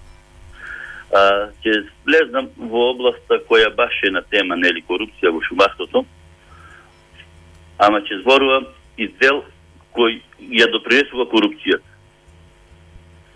Корупцијата во шумарството е изразена затоа што во нашата република не, нити се спроведуваат правилно законите, нити се донесуваат правилно законите од причини што не се собираат податоци од терен, какви се условите на теренот и кои се условите да се пробиваат законските регулативи.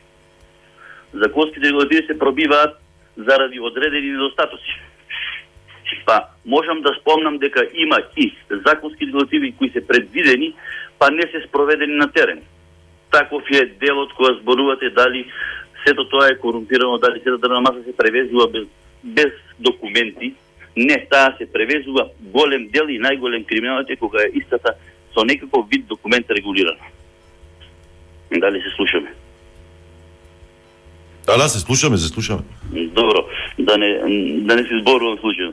Значи, таа е регулирана на тој начин што а, со една испратница спомна некој од а, разговарачите, може да се поднесат повеќе тури дрвна маса, која кај нас е на мода, а, додека шумските полицајци како екипа не само што не се платени, не само што не се овластени, не само што немаат што немаат бенефициран стаж, не само што значи не само што немаат опрема, се имало бројни, а овие пак со денешните мобилни линии можат слободно да ги проверат патишта да кај се наоѓаат патролите, како се движат, кој и кај се и што контролираат.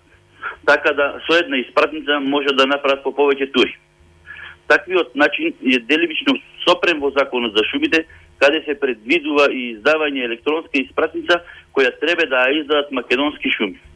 Голем дел од нашите слушатели, за да им стане јасно, мораме да не знаат што се шумари, што се манипуланти кои издаваат документи, кои се шумочувари и кои се шумска полиција. Да кажеме, еве, да го појаснам тоа, шумска полиција работи во склопот на Министерството за шумарско стопанство, шумочуварска служба работи во склопот на македонски шуми и таа треба шумите да ги чува реонски според законот, а манипулантската служба е исто во склопот на ЈП, национални шумите сега, а, во нив која ги издава документите за превоз на дрвна маса. Која треба исто така да издава и електронски испратници кои за одредена мера ќе го намалат а, криминалот за вакви дупли тури, ама не баш за сите. Од друга страна, во шумарството се прави голем пропуст со преработувачките капацитети. Преработувачките капацитети преводуваат дрвна маса за која после од која ќе ја преработат, веќе не издаваат собствени документи, односно издаваат бланко испратници ненумерирани, па со тоа не се знае колку регуларна дрвна маса влезнала во нивните капацитети и колку излегла таква дрвна маса. Тие се кои преработуваат граđи, палети и некои други елементи кои се значајни во тој дел. Па покрај обичните кражби, значи, тука спаѓаат и тој дел кој треба законски да се регулираат. И тој замок е доста голем. Од кај ги знаете овие работи? Ви да не се бавите со овој бизнес? Да, да, се бавам и тоа се бавам повеќе време, нека е 20 години и добро ги знам. Ги знам добро регулативите. Значи, кога рековме дали се поднесува кривична или прекршна пријава, кога се поднесува кривична пријава, таа може да се поднесе кога од туѓа шума некој ќе одземе, на маса повеќе од метар кубен. А доека други се прекршни пријави, прекршните пријави не се мали, а, ако бидат а, регулирани со количината на вредноста на дрвната маса. Значи сега, ако има 30 сантима дрвна маса, е иста вредноста на природната пријава, исто ако истиот превезува и 30 метри кубни дрвна маса, пак и исто така. камион, например. Или да, е така.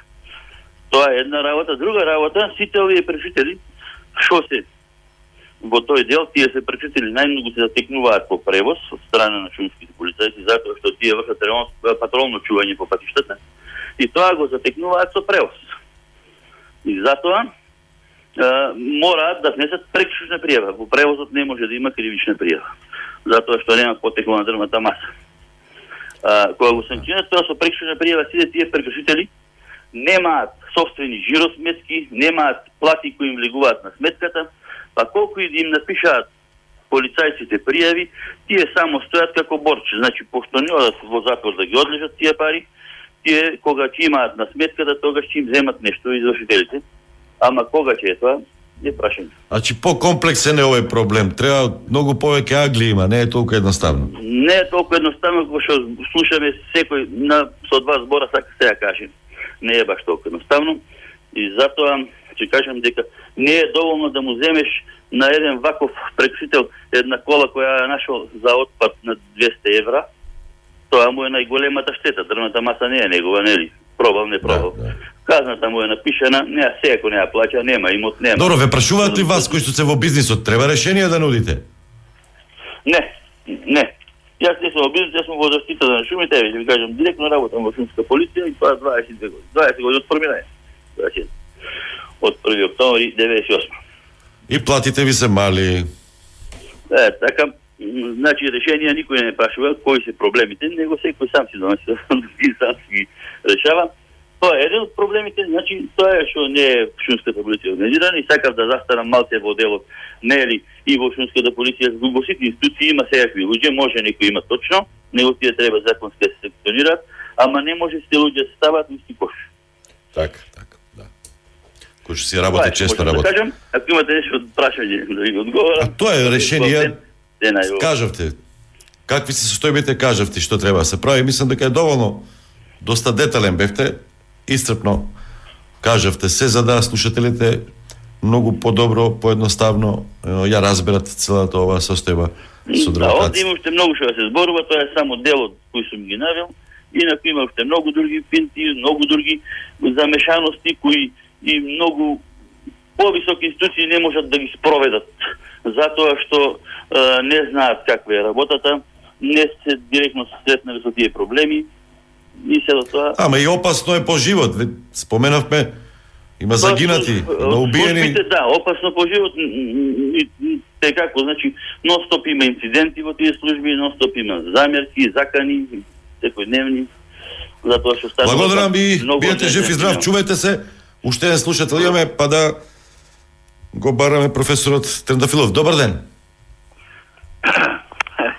Абе, што леве, жив да си.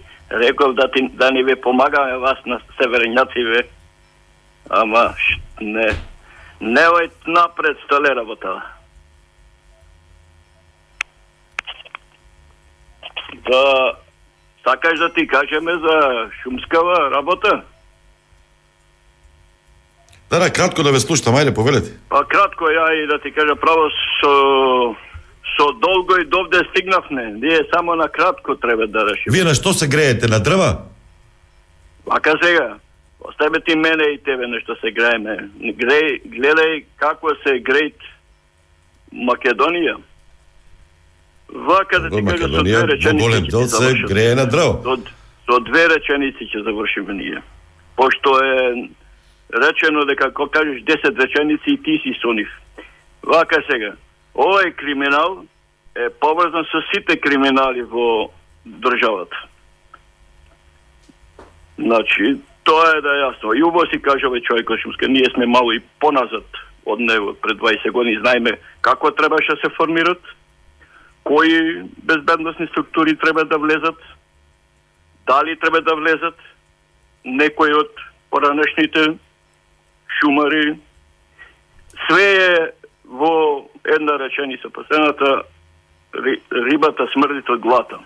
Ама оде вака е чистата до пашката. Сегде сите и провери кое сега имат кривични пријави. И сега и во м, Република Македонија, во македонски шуми, во се види сите кои имаат кривични пријави и тие уште што бараат во македонски шуми да најпоштените, најчестните луѓе се тргнати скроз од овој систем во шумска полиција.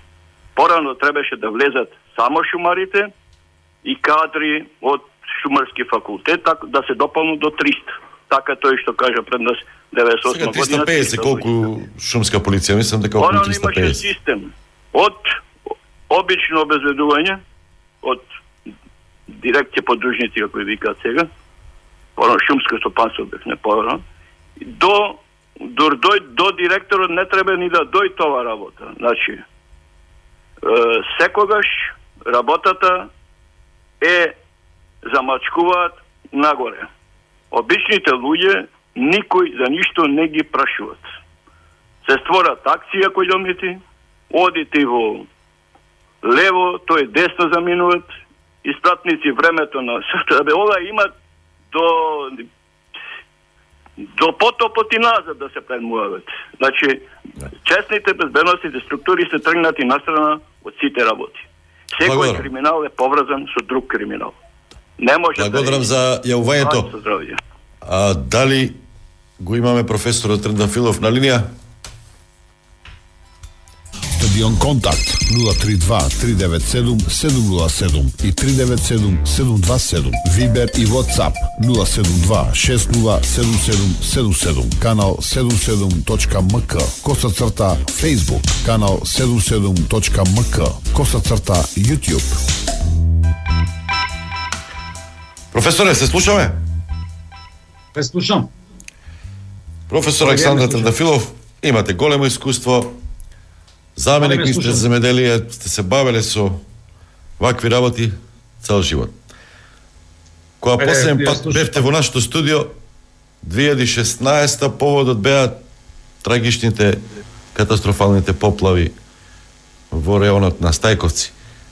Тогаш зборувавме дека една од важните, не и главните причини за таквиот порој, за таквите поплави е нелегалната сеча на дрва. Исчистени површини со голени кои што и погодуваат на водата да го стори тоа што го стори со десетици жртви. Професоре, еве сега ќе ја прашам после три години, четири. Паметот не ли доаѓа. Дали сето тоа што го зборувавме 2016 нешто е унапредено, е поправено, е постапено, за да се превенира и да се спречи дали за 10, дали за 20, дали за 100 години да се случи такво нешто како што се случи 2016. Добро прашање. Тој период е, неколку проекти. Меѓу меѓу тоа нашата катедра при факултетот со навистина прекасен тимски пристап изработивме студија за заштита финансиран не од нашите институции за жал, него од ЮНДП за заштита на целиот Скопски регион од поројните на доаѓање. Ова направивме, беше тендер, овај тендерот беше со краток рок, значи интензивно работиме цело време. Се тоа направивме, од тоа помина веќе веројатно 3 години. Значи приказка една се случува како што се случува. Убаво прашање и еве, јас многу пати размислувам. Значи се случи обиколница. Значи нема одговорност. Значи никој од од проектант, од, од, од инвеститор, од оној што инвестираш. Значи тоа се 5-6 субјекти кои што учествува во таа приказка.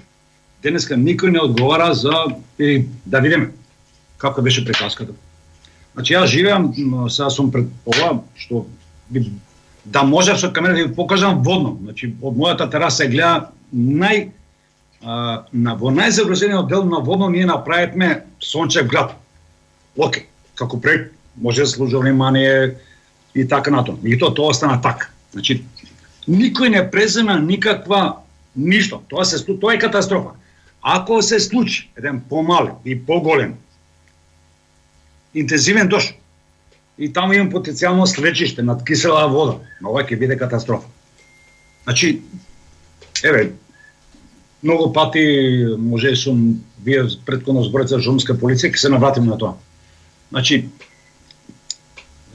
кога кога би кај нас ние функционираме како држава без одговорност. И затоа многу луѓе се директори или се, не знам, првите луѓе на институции и така натаму, зашто нема одговорност. Овде негде мора некој да понесе одговорност. Не може некој да си прави што сака. и така натаму, и да не одговара за ништо. И затоа тоа така. Значи не е случајно. Ке се навратим на шумска полиција, го слушам предходниот соговорник и деломо или 60-70% се согласувам со неговото излагање. Ама ќе се навратам јас на шумската полиција и така натаму. А, многу ми е жал верувате верувајте дека како некој човек, што мислам дека се разбирам, во оваа Македонија имаме малце луѓе во таа професионалност. Останавме јас, Блинков и Ивше. А од нив, како најважен од завод, како човек што работел во таква институција сум јас. И замислете Македонија, веќе утре ќе нема ни еден човек од таква специјалност. Како да оставиме кадар? Факултетот останавме, ние сме факултет, се поделивме, политички не е битно како што, и останавме 19 луѓе. Ние, ние помладок никако. Прв пат сега имаме пет асистенти, имавме можда за Значи, на кој го оставаме институциите? Значи, некој кога да сакаше да ги остави институциите да пропаѓа. И пропаѓаме ние. Пропаѓа националните институции, она што значи институција. И некој кој се повикува дека ние сакаме државата или се борам, јас мислам дека со слово мое право е да кажам дека тоа е мое лично размислување. Значи, нашите партии, и оние наши, македонски, викам, потоа и до ду и така натаму да сите, и тоа е нашата македонска. Значи, повикувањето на народот е, мислам според мене, една вази приказка, што народот е само една так, приказка. Така натаму, зашто ако не беше борбата за моќ, за сила и така натаму, политиката немаше да е толку значена и така натаму. Значи, таа борба е толку силна, значи, во, во такви екстремни услови, значи, таа борба кажува дека нешто ти сите знаеме. Значи, политиката значи. Значи владењето, значи мод, значи сила, значи, ама не народ. Што се повикуваат двете политички партии, не. Народ, мисламе, некој во нас, зборам кај нас, во наши услови, мислам дека малце се е во името на народ, ама е зад народот. И така. И на штета на народ. Професоре, за жал, значи, пак се повторува таа лоша историја за овие работи. Да се не, не, Боже, зборуваме полиција. само од нестреки, катастрофи кои ќе се слушат до нестреки. Паметот не се, ми ќе доаѓа. се, ќе се навратам на оваа приказка и така натаму. Ја слуша шумската полиција. Да. Да. Сега ви кажам, ама сакам, еве, колку не слушаат, значи автохтони. Мене многу ми забележале во времето зашто функционира и фун, овај устварен уствари воспоставивме јавно пријател македонски шум. А ве луѓе. Значи верувате цела ма- овој што ве слушам, Значи првиот концепт како помош министр во министерството како одговорен Горан Шумарски. Значи ние пред, закон, пред а, законодавството да излеговме со концепт сите поранешни шумски предпријатија да бидат јавни. Бидејќи веќе имаше концепт за јавни предпријатија, ние мораше да одеме со концепт јавно предпријатие на, на систем Македонија. Значи на држава. Тогаш општините ги изгубија легитимитетот како а, а, индивиди, односно институции кои што имаат легитимитет над природните ресурси. Сака не сака. И тоа беше сегде. Нема да мислите дека кај нас. Цел регион, дури и ова биш социалистички земји и так натаму. И тоа ние заспавме. Значи сите а, поранешни наши републики донесува закони за шуми 90-91. Ние по толку притисоци, со мое толку, мислам со сите, ние едва да успеавме 97 да го донесеме новиот закон. Значи ние изгубиме 7 години. О, не се малце. Тие тоа во тој период беше оној кој што имавме демек овај директорот се крија во, во смисла на здружение на тата и така и така. Тата. Значи и денеска е потизен. Овој систем што ги имаме денеска македонски шуми е во функција на само шака луѓе од систем македонски шуми и на партиите, на никој друг. Јас сум рекол, во оваков систем, значи ние може да се сместиме утре. Луѓе вработени вам, ние ги губиме шумите.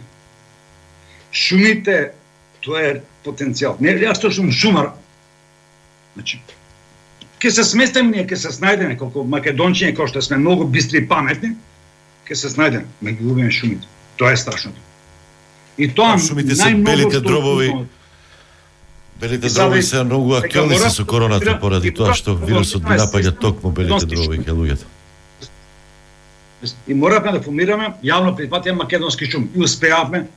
Верувате кај македонски шуми, со сите акти, иако бевме шумари, како нели ШБП во државата, успеавме за кратко време со наши, наши потенцијали сили, за кратко време да ги направиме сите акти и да го формираме системот. Сега шумската полиција кај се наоѓа. Предходно имаме шумочуварска служба во рамките на тогашните шумски стопански предпријатија. Ама дивјација почна. И прашањето чии се шумите? Прашањето пред тебе не ме слушат на државата. Кој треба да се грижи? Државата. Ако грешам, секој нека каже дека грешам. Оке, влеговме во систем и тогаш имавме аранжмани со Светска банка и ММФ. Мисија финанси, вика вака професор мора образложение силно, не ни дава да формира шумската полиција. Италија и денеска има шумска и лобна полиција. Германија имала, и имале на време. И таму. Ни дадоа зелено светло за 50% од капацитет да формираме шумската полиција. И ова сакам да го. И кога дававме сигнал, као помош, до сите шумски, значи верувате се, ова е, ова е, ова е многу значено. Намасто да ни го патат најдобрите.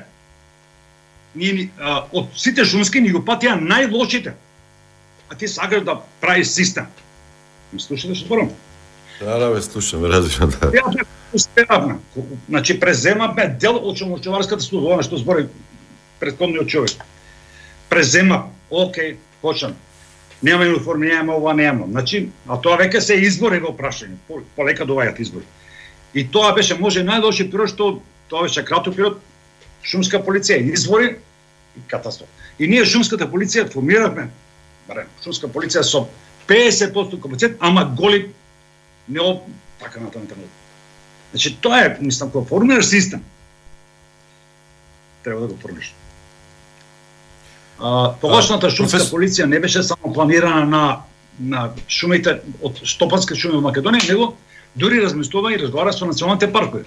Да имаме еден систем на цела Македонија, тамо кај што кај заштените подрачја да бидат дуплирани.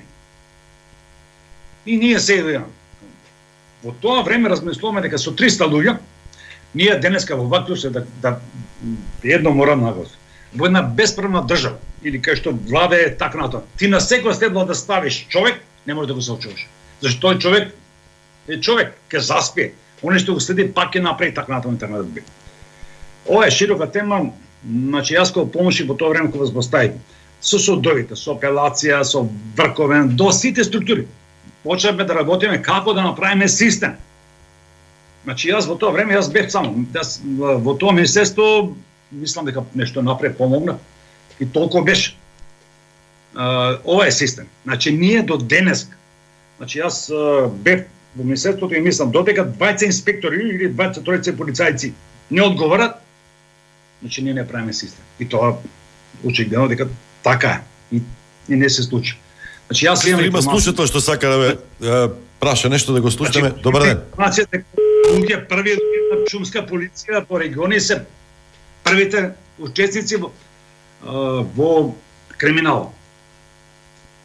Значи јас кога стана помошник верувате во државата никој бесправни сечи. Тоа беше табу тема. Значи јас тогаш преговоривме за прв пат дека имаме така, тоа беше негде тогаш Значи пак бепме во некоја сериозна бројка 150.000 вамо таму и така таму. Ние сме савеќе сериозно. И ова сакам сега да нагласам, ова е, ова е тема широка. Значи, моето размислување како аз, како човек што ги сакам шумите, што сум шумар и така натаму и што значи и што еве овој од тогаш до сега функционирам кај нас се испортизирано, се е политички. Значи јас можеби мислам дека ќе се направи или ќе успееме да го минимализираме или да го сведеме на некоја така. Значи ти пак раден, ќе имаш некој, тоа е на некој ќе му биде задоволство да така натаму. Меѓутоа социјално-економскиот аспект се да, се силно влијаат. Значи не може некој човек што а, еве нема од каде. Значи он ке мора да оди да каде да да го задоволи, да дечем, да, на детето, на семејство дома да го стопи, тоа го разбирам. Има и тоа се решава. Значи, во тоа време зборувавме, дај да направиме систем, да помогнеме и така натаму, и така натаму, и така натаму. Мислам дека да е политичка. Јас Јас во себе сум страшно убеден дека овај ова работа може да ја стопираме само политички. Значи да се седнат политичките партии, владечки луѓе, ќе правиме систем ја правиме. Шумите не Са збореме за води, збореме за ова, збореме за режим, збореме за ова, збореме за опасност. Значи јас нешто сум шумар. Јас сум постојано потицен дека шумите се систем на столб на целиот екосистем. Ако успеем, и сега имаме ние, еве, имаме фонд за, јас се на, на времето залагав за фонд за шуми. Го неам. Неам против фондот, бидејќи сум дел од водостопанство и така натаму. Значи имаме сега за прв пат, скопските сметки вика, оке, Значи, ние користиме вода, таа вода ја превотуваме, оди негде и во канализација, мора се оперира. Значи, мораме да ги веќе готово. Мислам дека и граѓаните ги гледа дека има и тоа беше добро. Да се рашита, да имам дека користиме вода, ама таа вода што користиме треба да оди, треба некој да оперира, треба да пуштеме здрава во бардар и така натаму и така натаму. Многу е широка темата. Мислам дека Добро, само да ве прашам за пошумувањето со ова полека да завршуваме, имаше акција Денот на дрвото, многу популизам имаше, многу кампањски се пристапи, многу мал процент од тие 50 на милиони садници, па беше укината после тоа таа акција, беа се зафатени. Околу пошумувањето, пристапот. Тогаш дали бевте консултирани или тоа беше повеќе целта да се направи некоја популистичка Во две реченици ви кажам изворно што значи политика. Значи јас 95-та сум во министерството кој го водам шумарството. Значи тогаш имавме, тогаш си устоеше ден на дрвото, односно ден на пролета. И си функционираше во цела Македонија системот и беа главно во систем поврзани овој основните значи образованието до ниво на основно образование, до осмо одделение. И тоа беше со цел да тој тоа не значи дека тоа е еден ден и два, но на тој начин го бележиме денот на пролета и денот на дрвото, дека на тие наши деца, внуци и така натаму да им пренесеме што значи шумата, што значи која е нивната улога, функција и така натаму. И тоа беше успешно. И понатаму нашите институции го спроведува по шумовите, инспекција одија контролира дали е сето тоа направено како што треба и така натаму. И од 2006 веќе имаме валоризација на системот кај та та та на и така и веќе многу пари се потрошија, ефектите сите ги знаат и така натаму. И сакам, значи, прашањето е што понатаму. Заврши, фондот заврши ова. Значи не не што јас сум шумар и нешто ма врзан со води, врзан. Значи тие се испрепетни работи режимот на водите е непосредно врзан со шумите. Значи, ако сакаме да имаме води, треба да имаме шуми. Ако сакаме да имаме вода, треба да имаме шуми. Тоа го рекол и уште некој германец пред два века и така. Во смисла, се разврлавме, ако правиме нешто, може ова влада реши вамо таму. За жал, кај нас се решува политичарите, без консултација на на нешто што знаат и умеат. Мора. Значи, Скопска Црна Гора беше тоа што се случи дека ние правевме приказка преме една година да почнеме целата приказка Скопска царевора да прогласиме за такво натаму. И да ја пошумиме. Значи сите сили, цела Македонија ќе ги насочиме и ја средивме Скопска Црна Гора. Во која смисла? Ако треба и ќе оградиме, ако треба систем на чување, на заштита, И не е само да насадим. Значи, неколку години треба треба гледувачки мерки сето тоа да го правиме и да кажеме дека на вистина нешто направиме. Еве на Скопска. Па утре ќе се префалиме на друг слип, на друг на друга локација. Да се ова една саница тамо, друга саница на ветре вама, мислам дека цела Македонија знае дека кампањата што беше нема никакви ефекти. Викам стручно, професионално, и мора го, значи, мора, значи секој денар мора да биде. Значи тоа да го прават луѓе што бидат обучени под надзор, под контрола. Видите, секоја локација за пошумување е различна. Како секоја река си приказка за себе. За сегде треба други садници, друг вид, како и така натаму и така натаму. Така Затоа, ние се понудивме во едно време како шумарско да помогне во кампањата на Ден на дрвот.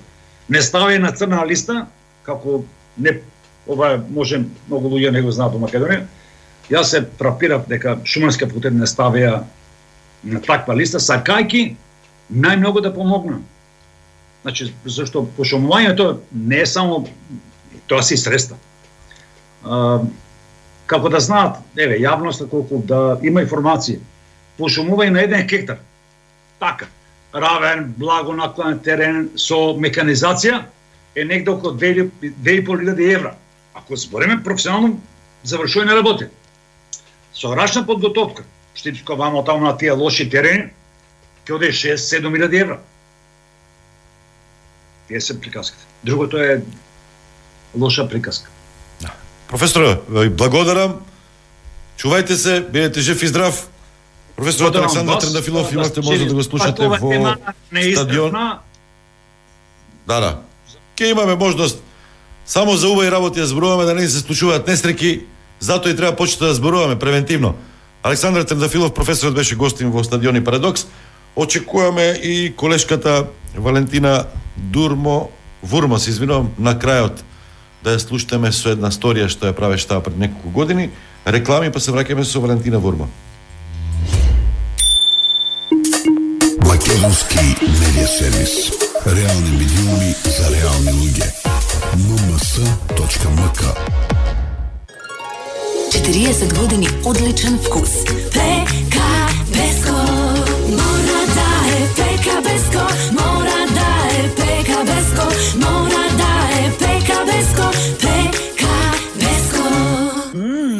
40 години ПК Беско. Забележа пречки, прекини и промени во квалитетот на сигналот на радиомрежа Канал 77.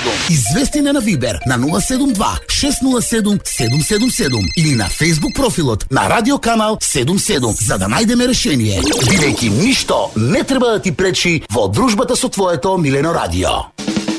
За совршено гастрономско уживање потребно е добар готвач, вкусна храна, релаксирачки амбиент, убав поглед, квалитетна услуга и добро друштво. Од дома понесете само друштво. Останатото веќе ве чека во Радио Кафе Канал 77. Стадион. Емисија за вашата вистина.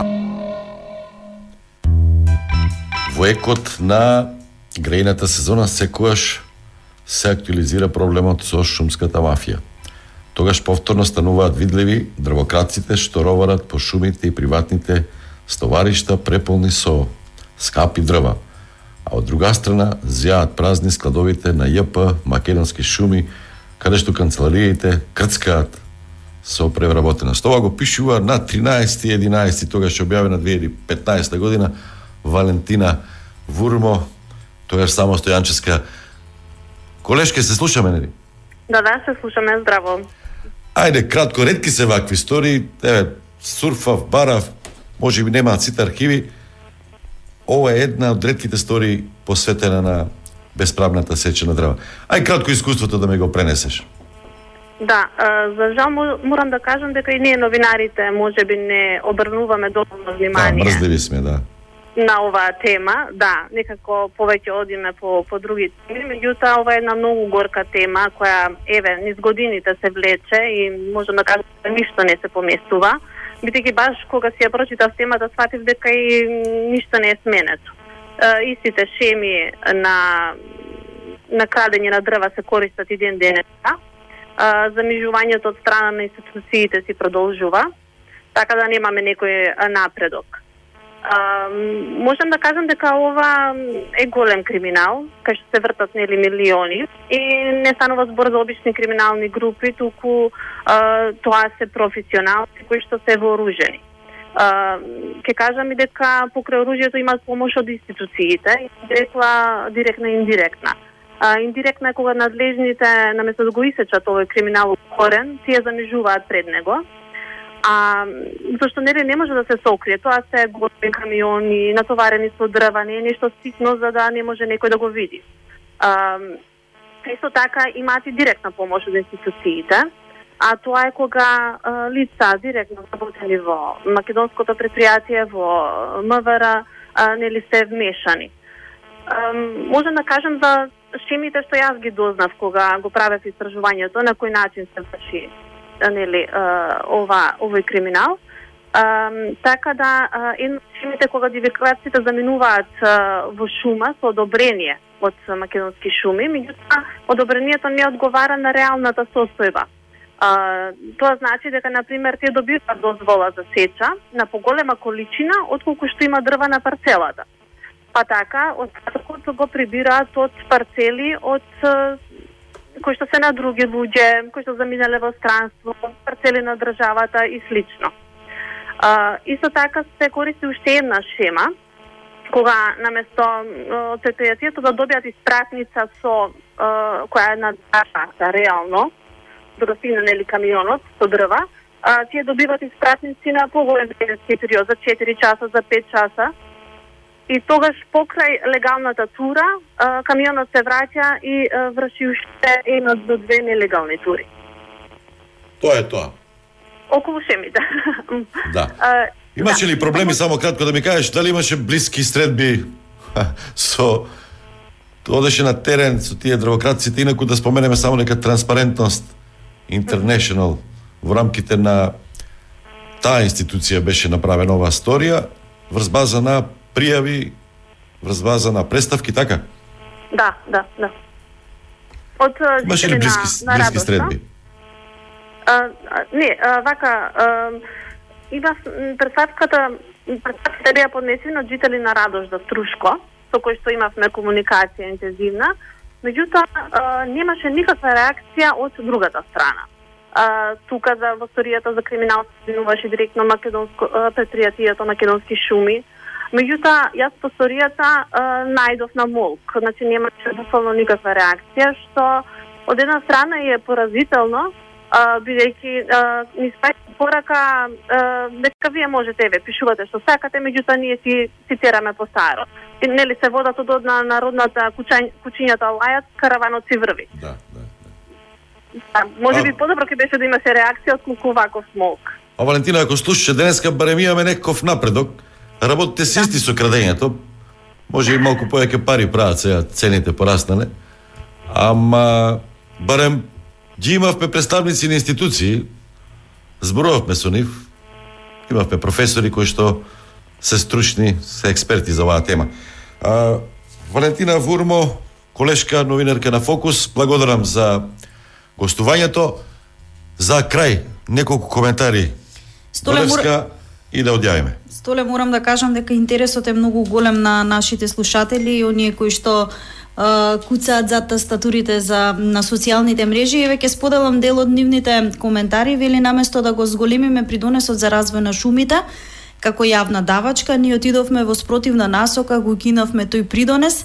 Тој придонес немаше само фискално значење, туку значеше поврзување на граѓаните со тоа како се постапува со шумите, не ги притиска финансиски, туку ги притиска граѓаните да кренат глас каде одат нивните пари за уредување и заштита на шумите. Зошто не е продолжен процесот на сертифицирање на шумите, почна од пилот проектот Равна река, Пехчево, зошто се уште нема протоколи за управување со шумите според меѓународните стандарди. Uh, уште еден коментар треба да се направи антикорупцијска проверка на целокупното целокупната регулатива за шумите. Што стана со формирање на 329 шумски реони и задолжување со записник, односно со предавање на чување па една до две години да биде контролирано чувањето, ова беше пробано во 2015 година, кои се искуствата од оваа мерка. Има на вистина многу прашања и одговори кои што може би и не успеавме да одговориме, но се надеваме во некоја следна прилика повторно ќе ја актуализираме дека- оваа тема. Доста информации добивме денеска. Имаше луѓе што се јавија, професорите, представниците на институциите беа детални. И јас многу работи не ги знаев, сега ги научив. Тоа е добро. Учиме заедно со емисиите, заедно со нашите гости, со нашите слушатели. За крај, пред да кажеш каде ке, каде се ке можат слушателите и гледачите да гледаат реприза на оваа емисија по регионалните и локалните телевизии, да му дадеме почит на Драган Вучик, почина неја преживеа битката со коронавирусот. Во негова чест за крај може да слушнеме една од неговите песни, или еве Ангели на Силви Бент или свирете зајди зајди, таа е победничка од Макфест на Олгица Христоска. Така, репризно издание на емисијата Стадион ќе може да погледнете на YouTube, на нашите на, на нашите фан страници на канал 77 и mms.mk, репризно на радио може да слушате како и на веб страната mms.mk и социјалните мрежи. Стадион. Емисија за вашата вистина.